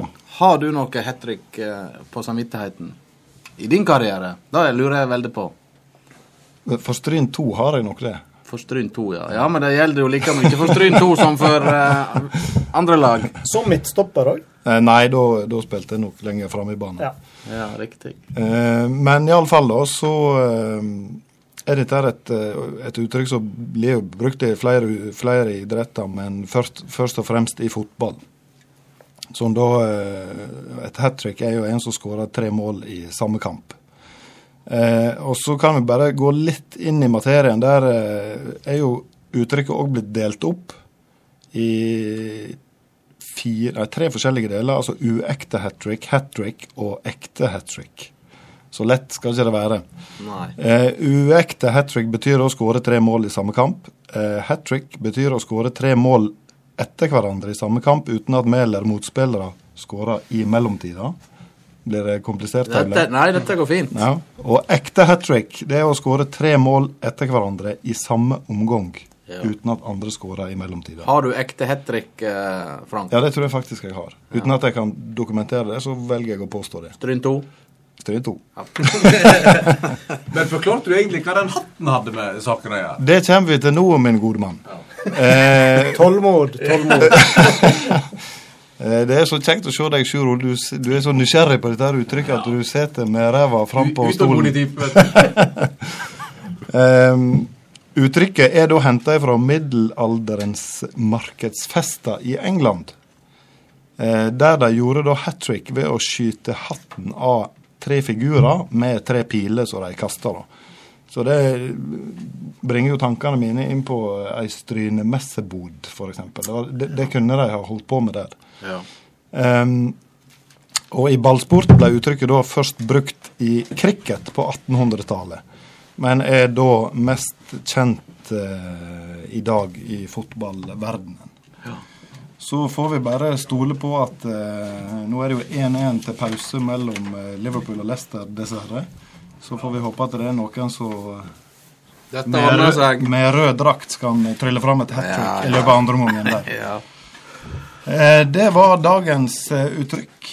Ja, men da har lektor Hole nok en gang eh, levert, vil jeg si. Dette var veldig oppklarende. Alltid like stas å bli kalt lektor Hol. Det kan du regne med i denne spalten her, iallfall. Eh, takk til Frank Hol. Eh, vi skal videre. En ny gjest. Vår siste gjest i dag er kommet inn i studio. Og da eh, tror jeg vi skal dra i gang en eh, liten reklamesnutt for den spalta òg.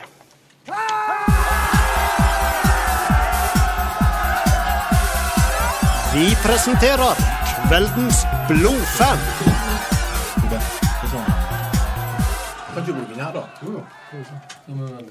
Ja, da er det full eh, forvirring og kaos i studio. Vi eh, har plutselig én mann mer enn vi har både mikrofon og headset, men dette ordner vi. Vi bare flytter litt på oss og tar oss ei drue. Velkommen, eh, Svein Olav eh, Solum. Takk for det. Litt overraska at du stiller i svart i dag, for eh, hvis jeg har oppfatta det rett, så er det blått som er din farge. Det stemmer. Men nå er han eh, Svein Olav fargeblinde, da. Er han det? Ja, det er han. Så han trodde han tok på seg en blå genser i dag. Vi har jo mange, vi er mange i pingpongklubben da, som er fargeblinde, så det Men blått, eh, det har jeg alltid sett veldig godt. Ja, Ja. for du er altså Everton-fan. Jeg er er det Everton-supporter, ja. Ja. Det stemmer. Eh, ditt forhold til Everton Nå er jo ikke det Det vrimler jo ikke med Everton-fans rundt Nei. omkring. Da, såpass ærlige må vi være. Men eh, noen er det innimellom. Eh, og da er jo mitt eh, spørsmål hvorfor ble det Everton? Hvordan eh, skjedde det? Ja, altså um, Hvor gikk det feil, spør Frank. Det var egentlig det jeg hadde lyst til å si. For det første så er det jo sånn da at vi er, vi er veldig glad for at vi er så få som vi er. Det er jo litt trist da med, nå kommer, nå kommer stikker, vet du. med disse her klubba som, eh, som har eh, veldig mange turister da, som, eh, som fans. Men det som er da med, med Jeg bruker å si Svein Olav, at det er konsekvensen av suksess. Ja. Det kan hende. Nei, altså Jeg har tenkt mye på hvorfor jeg ble Everton-supporter. Fordi at um, alle kompisene mine var jo Det var Liverpool, og det var Manchester United og Leeds og sånne lag, da. Så jeg har, jeg har liksom ikke noe sånn Jeg har ikke noe sånn fast uh, sånn minne om uh, akkurat hva som skjedde. Han, Men uh, ja. han Jens Ishaug fikk jo en bag, sa han sist. Ja. Du har ikke noe sånne Jo, altså jeg, og, jeg hørte han Jens sa det, og jeg kan fortelle at jeg òg fikk en sånn rød Manchester United-bag. En rød plastbag da med Manchester United på, sånn i rundt eh, 78 da når jeg var en sånn åtte år gammel. Og den gikk i søpla. Så det, men det var før du på en måte hadde tatt Nei, stilling til det var eller? etterpå. Å, ja, det var Ja. etterpå. Ja. Så, men eh, jeg snakka med en gammel gubbe i Liverpool en gang, da. En gammel Everton-supporter. Og han lurte på, da Han syntes det var rart da med en nordmenn som var så interessert i norsk, nei, engelsk fotball og sånt, da. Så sa jeg at jeg, har, jeg vet egentlig ikke helt hvorfor det er sånn, da. Så sa han det at eh, du skal vite det at eh, Everton-supportere, de velger ikke. De er utvalgte. Oi, oi, oi. Og da, da gikk det et lys opp. Og det er nok Jeg tenker at det er sånn det er.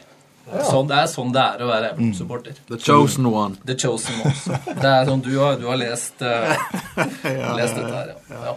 Men sånn er det, tror jeg også. Vi har jo med oss en uh, skiløper i studio. Uh, Undertegna er jo mest òg på vintersport. da. Jeg vet ikke, du Sjur Ole, er du eh, inne i denne fotballverden og Premier League og Det er veldig sjelden jeg blir kalt for skiløper, men jeg har jo gått litt på ski siste uke, så jeg synes det, jeg tar det til meg, alt jeg kan få. Jeg er, jeg er altså da eh, veldig lite interessert i Premier League, men for 20 år siden da så jeg mye på Premier League, og hadde et favorittlag som da var Newcastle United, men jeg kan nok ikke nevne noen i første elveren eh, lenger. da. Men eh, det var i de dager da Shearer og Ginola og Asprilla. Og det, var, det var en god gjeng der som eh, nesten tok eh, God Nesten navn. tok ligagull rundt 95, faktisk. Så eh, det var kult. Jeg tror de tapte 4-3 mot Liverpool i en veldig sånn skjebnekamp. Så det, det, det, var, det var vondt da. Men jeg, jeg har klart å riste det av meg, altså. Mm. De, de nikker veldig samtykkende rundt bordet her, og jeg eh, skjønner vel egentlig ikke hva det er snakk om. Men, eh, Det var den, litt- den 4-3-kampen. Jeg husker den. Jeg tror det var to Det var faktisk 4-3-kamper. to, ja. ganske Det- det. Men, men det betyr ikke at jeg ikke er nysgjerrig på de som er supporter. og eh, Kan du fortelle litt hvordan utvikler dette seg, og, og, og, hvor sterkt blir den lidenskapen til et lag? Vi, vi snakket jo litt med Jens om dette, her, og om, om eh, i hva grad går det inn på deg når laget ditt vinner eller taper. Og, eh, kan du si litt om det? Ja, altså, altså Forholdet til Everton har jo vært der siden jeg tipper sånn rundt 75-76, da når jeg var sånn fem-seks år gammel. Og um, det er klart at eh, dags eh, Hva skal jeg si, da? Kvelden etter kamp, den avhenger jo litt av resultatet, da. Eh, spesielt hvis at en, en eh, på en måte spiller om noe, da. Altså hvis det er noe Sånn som det er nå, så er jo serien slutt for Everton sin del. Vi har jo ingenting mer å spille for i år, da. Det er klart at Da blir du litt mer avslappa i forhold til at uh, om du taper for, uh, for Huddersfield eller hva det måtte være, da, så har det mindre betydning, da. Du kan jo ta et eksempel eh, fra den FA Cup-kampen Ja. som eh, Everton spilte mot Millwall og tapte 3-2 eh, Ja. nylig. Ja. Hvordan ble den kvelden for deg? Nei, det var, en, det var nå på um, Det var jo nå på lørdag, og det var en dårlig kveld. Det, Det henger igjen da, nå har vi kommet til onsdag. ja, altså, det er jo Det var en god mulighet til å gjøre noe bra i FA-cupen i år, da. Og um, den sjansen, den slurva vi jo vekk, da. Og, og så ser vi da i neste runde så er jo Millwall da trukket mot Wimbledon, da. Oi, oi, Så oi. Så det er jo det er sånn, typi, det er sånn typisk Everton, vil jeg si, da. Men, men du har aldri vurdert å skifte lag siden 1976? Nei, det kan jeg love Litt overraskende, egentlig, for du er veldig opptatt av hvordan Liverpool gjør det til enhver tid. Så jeg, jeg, jeg ser jo en lidenskap Liverpool-fan i deg. men det er kanskje feil, jeg vet ikke. Jeg er jo, jeg er jo glad i altså jeg er glad i skausere. Jeg er glad i byen Liverpool. Og Everton var jo, den, var jo det første laget som vant seriegullet på, på eh, Anfield Road, som vi sikkert vet alle sammen. um, Alle, alle nikker. og eh, det er klart at eh, den første kampen jeg så i England, det var på Anfield Road. Et lokaloppgjør da mot Everton, og det var jo den gangen helt magisk å komme inn der. Det var jo det var gåsehud og, og full pakke også, virkelig. Og, og du eh, Svein Olav, du har, jo, du har jo vært på noen baner etter hvert i England, har jeg skjønt. Ja. Altså første, første kampen min eh, kom jo ganske eller seint og seint. Altså, det var jo ikke så vanlig å reise på øh, fotballtur til England før i tida. da. Så første kampen min den var i 95. Og da var det sammen med svogeren min. Og, og da var det, det var jo ikke sånn at vi ordna ting sjøl. Det var en sånn pakkereise med norske Liverpool-klubben. Skulle vi til, eh, til Liverpool og se Liverpool-Everton. Og siste 30 åra så har vel eh, Everton vunnet tre ganger, tror jeg, på bortebanen på Anfield Road. Min første kamp, Liverpool-Everton, så vant vi 2-1. Du november 18.11. i 95. Så det var en, eh, det var en god start. Og så, og så ble det et ganske langt opphold egentlig før min neste kamp med Everton pga. unger og fødsler og sånne ting. Og være hjemme mens, mens de vok vokste opp. da. Men så neste kampen igjen, da, så var det Everton-Liverpool og ny 1-0-seier til Everton. Så jeg hadde to bra kamper til å begynne med der, da. Oi, karma. Så, ja. så har det balla på seg litt, da, og så har jeg tenkt etter hvert at det er veldig kjekt å reise på bortekamper. Fordi da er det på en måte Da er det på en måte Det er det, er det som er morsomst. da, Det er mest trykk og mest atmosfære å sitte med bortefansen på, på bortekampene. Og så får du oppleve byer og baner og, og veldig mye moro, da. Du har vel vært på bortimot alle banene i Premier League nå, har ikke du det? Jo. Nå, jeg mangler, eh, jeg mangler Cardiff. Og Cardiff-Everton skal jeg se da den 26. februar. Ja. Og da er alt i boks. Da er alt i boks. ja, Inntil nye lag rykker opp. Ja, ja, nei, inntil Tottenham eh, Får ny stadion, ja. Får ny stadion. Ja. Det skjer jo litt seinere i vår, da, så kan det hende at vi må kanskje ha oss en liten sånn London-tur til våren. da. Men eh, gjennom alle disse åra, alle disse her kampene og forskjellige arenaer, hva, hva ser du på som den største opplevelsen? da? Er det den du allerede nevnte med den Ja. første kampen, kanskje? Ja, altså første, første kampen er den største opplevelsen. Og spesielt på grunn av sant, Jeg reiser med 100 Liverpool-sportere. Jeg er den eneste Everton-sporteren. Eh, bortekamp på, på Anfield Road med hele toppgalleriet til, eh, til Liverpool der, og så vinner vi 2-1, da. Det, det var en opplevelse som var helt, helt enorm, da. Vi har vel hatt bedre galleri enn i 95? Ja, det kan vel kanskje hende, da. Det var et galleri, men det var ikke et stjernegalleri. Ja, men altså, Robbie Foley skåret et trøstmål der. Det var jo en trøstmål. legende der. og... Men uh, har du Du sier at Liverpool-kampen var en av dine største opplevelser. Er det andre kamper som du uh, vil dra fram?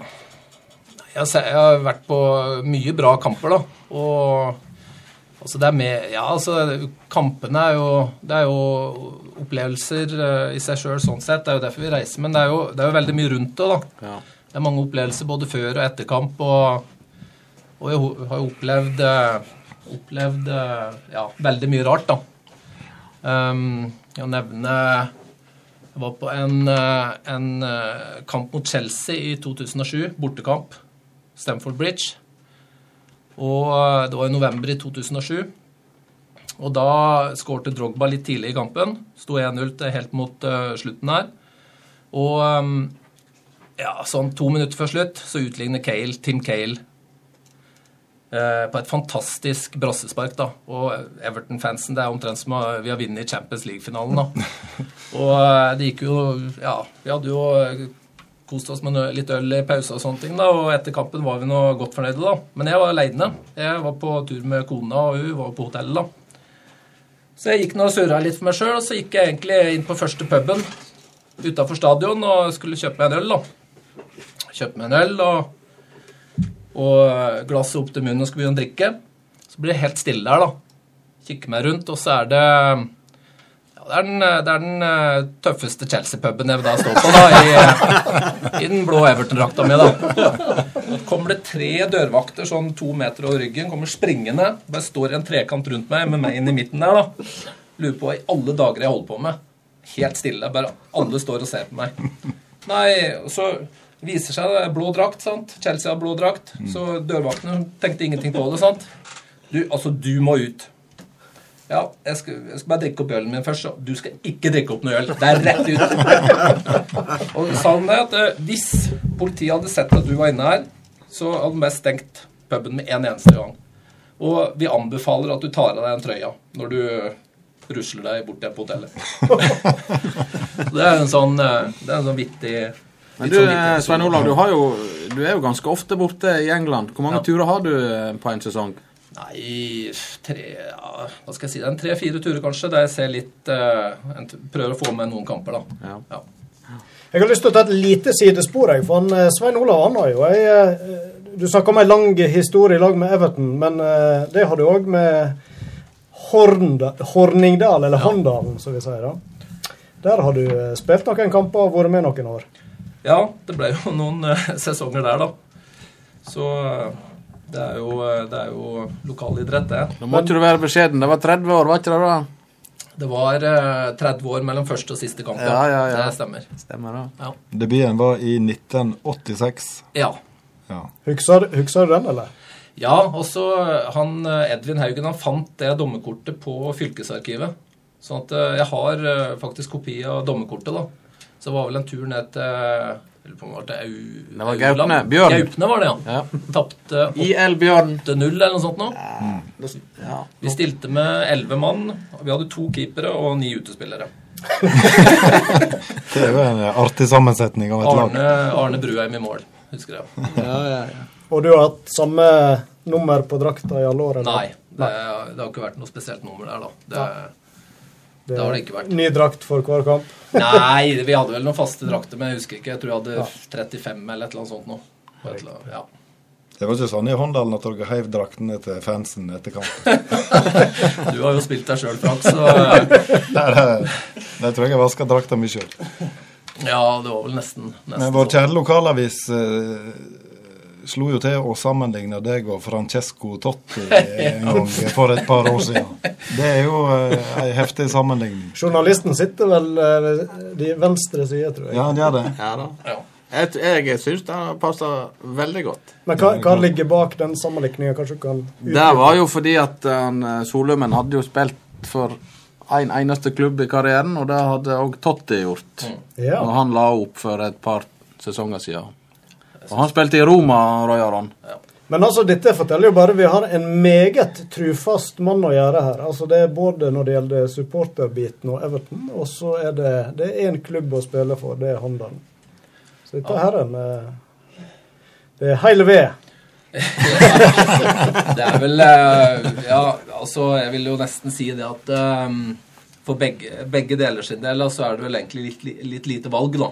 Altså, altså, en kan jo, altså Når du først har blitt utvalgt eller valgt en klubb, så skifter du ikke klubb. Sånn er det jo da. Jeg vet jo, jeg husker jo faktisk det at eh, en sommer så var du eh, veldig interessert i å melde overgang til Stryn, og det var noen noe dialoger med Stryn sin daværende trener Dagmund Evebø i, i lystig lag i Bulgaria. Eh, men det ble ikke noe ut av det. Nei, det var nok like greit. men, eh, men nå har jeg jo, jeg har jo spilt et par, eh, par kamper på Stryn for Old Boys, eller veteranlaget, da. Ja, det har Det har jeg gjort. Og så har du vel spilt noen landskamper i Bulgaria òg? Ja. jeg Der lagt har Frank vært med, vet du. Ja, Så, ja, Fortell litt om dem. Der er jo storheter fra eh, ja, Premier League med, ikke det?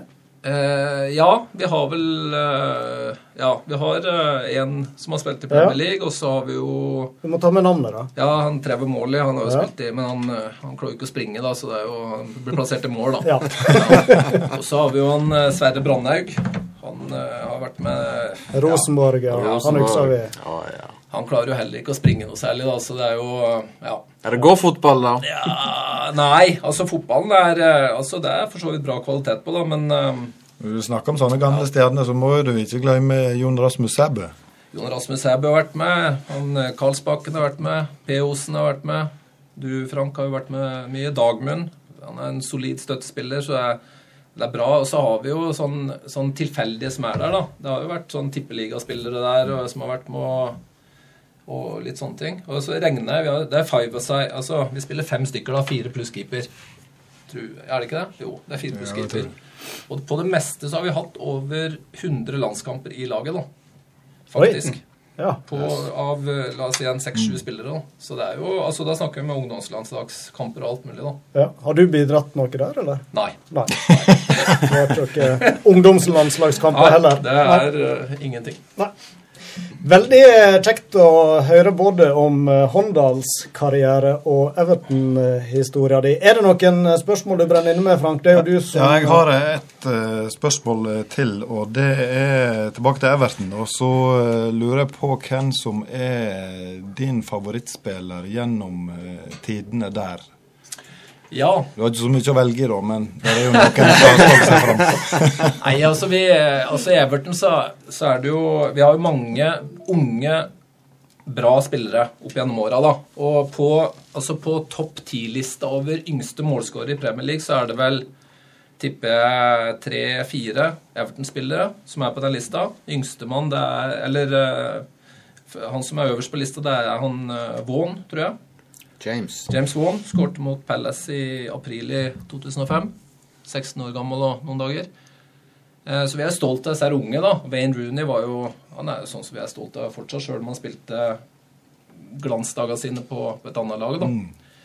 Men eh, den første som jeg liksom husker da, fra, fra tippekampen lørdager på 70-tallet Eh, Pappa lå og så på sofaen, og jeg satt med godstolen der og så på svart-hvitt-TV. Det var eh, West Bromwich, og det var Wolverhampton og Stoke og Leeds og Liverpool og Manchester United og alt mulig Det tok litt tid før du visste de spilte i blå drakter, òg, skjønner jeg. Ja, altså Det kan vel hende at det, det er greit. Svart-hvitt-TV. Det Og, og du fargeblind i tillegg, så blir det komplisert det med farger.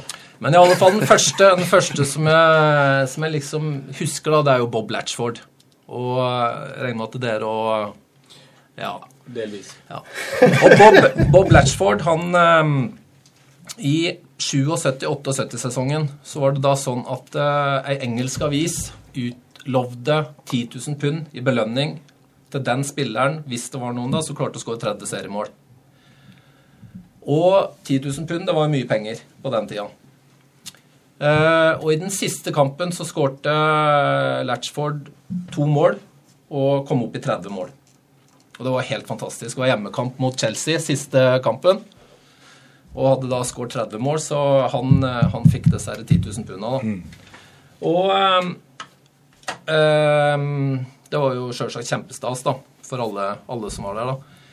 Eh, for et par år siden så, så var jeg på, på hotellet til en kompis i Liverpool. Han Frank har forresten bodd på hotellet der. Ja. Um, og så skulle han ha et møte, så jeg ble bare stående i baren der og bare så litt på TV og litt sånt. Og så kommer det en kar bort til meg, da. Og hilser på meg. Lurer på om det er meg som er Svein, en engelskmann. da, Sånn litt uh, sånn middelaldrende. Hilser på meg og lurte på om det var meg som var Svein. Ja, det var det nå, da. Og ja, så står vi og snakka litt, og så sier han at jeg har lyst til å gi deg ei bok. Um, ja vel. Jeg skjønte jo egentlig ingenting, da. Og så gir han meg boka, og det er altså boka til Bob Latchford. 30, for han har skrevet bok om de 30 seriemåla fra 77-78. Så han eh, gir meg boka, og jeg blir jo kjempeglad for at jeg får den gava. da. Jeg lurer litt på hva slags fyr det er, da. Så åpner han opp boka, og så sier han ja, og så har jeg skrevet en dedikasjon til det her, da.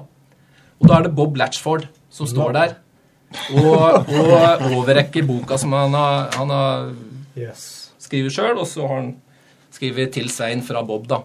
Da viser det seg at det var han som han skulle møte med, han kompisen min. da. Og så ba han kompisen min om å gå i baren og si gi meg den boka. Så jeg, jeg ble jo helt sånn eh, satt ut, egentlig, for det var jo det var helt fra 70-tallet. Og, og jeg kjente den jo ikke igjen, for det, var, det, er, det er jo 30 år siden jeg har sett den, liksom. Og så sto vi og snakka litt, da. Han hadde jo god tid, og sto og snakka, og så, så sier jeg at eh, Så er det 10 000 pund, da. Det må jo ha vært helt fantastisk å vinne 10 000 pund. Ja, det var, altså, det var jo stort.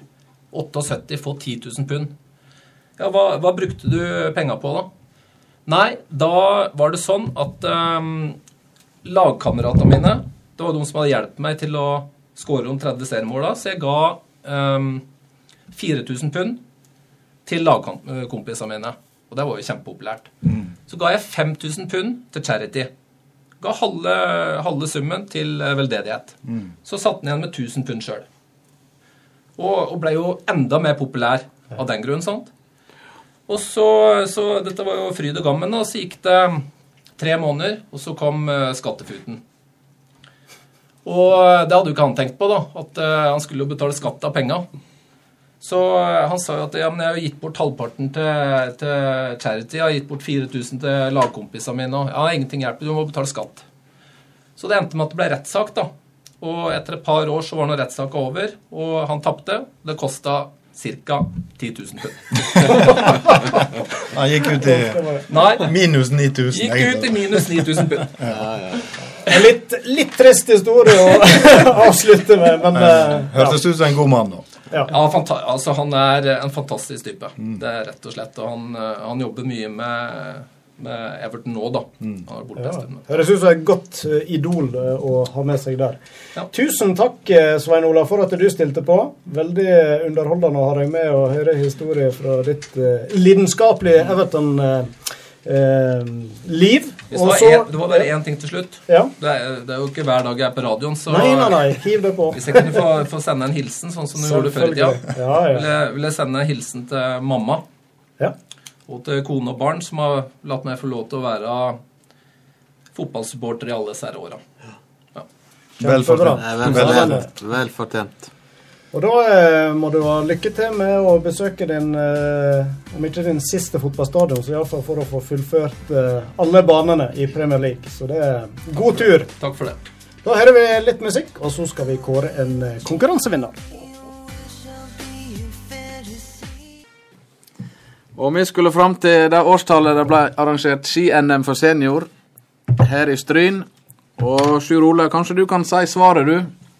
Ja, nå Nå Ole har så håper jeg du har det. Nå er nå, Han er så mye, slå her, men han eh, er så mye peanøtt at han må bare få svelge under først. Jeg var i, jeg var i løypepatrulje. Eh, den der fantastiske fantastisk opplevelse. 10 000 stykk som klarte å samles eh, ut på Ulsheim der eh, jeg skulle si daglig, men det var vel iallfall i helgene. da, da. Jeg tror vi gikk i løypepatruljen eh, i lag, faktisk. Det er mulig, mulig du var i front. Å ja. Vi må ha en baktropp òg. Men det var, det var jo ikke snø på dette NM-et der. Nei, det er riktig. Det var jo egentlig eh, veldig lite snø, eh, iallfall fram til da. da. Ja. men vi var heldige i den forstand at eh, det ble minusgrader eh, natta før NM begynte, og sånn at det var mulig å gjennomføre. Men før den tid var det nå en ekstrem eh, dugnadsgjeng som eh, gjorde en fantastisk jobb, for det var jo egentlig veldig lite snø. ja. Så seg ingenting utenfor løypene. Men dette da var iallfall da i, eh, i januar i 1996. Det stemmer. Det var helt rett. Det var jammen godt du sa Det var bra. Det var bra. Men er det riktig som eh, Thomas sa, at du bruker NM-jakka fortsatt? Nei, det må du Nei, det, jeg, det gjør jeg altså ikke, da. Men uh, jeg jeg mulig jeg må finne noe fram igjen nå. Nå får jeg så lite jakke fra Skiforbundet igjen, så jeg må jo, må jo finne noe fram igjen nå, da. Men uh, jeg, uh, jeg ser at det er mange som går med når det er fin jakke. Men det er ikke noe jeg bruker til daglig, iallfall. Og eh, statistikken stiger vel, eh, med all respekt, når en kommer ute i tunnelene, som vi sier, utover på nordsida. Så eh, tror jeg den er hyppigere i bruk. Iallfall inntil for noen få år siden. Torstein Tvinnereim fra Randabygda han har jo òg faktisk skrevet en sang om NM-jakka. Dedikert til det. Ja. Men vi har en vinner. Ja, det har vi. Det, er- vi. Vi kan ikke glemme den. Nei, og vi skal nok en gang eh, utabygds. Det betyr at vi har lyttere over det ganske land, og Da har, har de nok hørt på nettradioen, ikke FM-bandet, og det er veldig bra å vite. vi kan gratulere Torunn Raftevold Rue i Flatdal med vår eksklusive T-skjorte, som Hvis hun ser på nettradioen, så ser nå den slik ut. Veldig flott. Den er eksklusiv.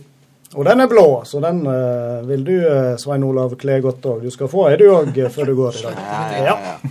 Veldig bra. Vi gratulerer han eh, Torunn eh, så mye med, som dagens uh, vinner. Og så er vi kommet så langt at det er på tide vi begynner å tenke på avrundinga.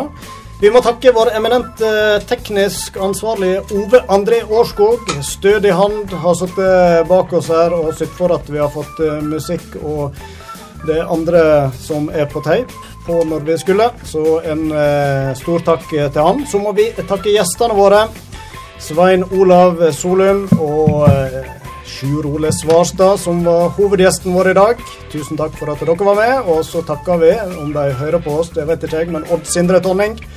Som dekka kampen eh, som Liverpool spiller i kveld. Og så må vi takke hun Åse Ørjasæter for at hun òg tok seg tid å være med på Sport on spas. Og så kan vi jo minne om vi har en podkast som ligger tilgjengelig på iTunes, så det går an å laste ned og høre på sendinga når en eh, måtte ønske. Hvis en bare fikk med bruddstykket i dag, f.eks.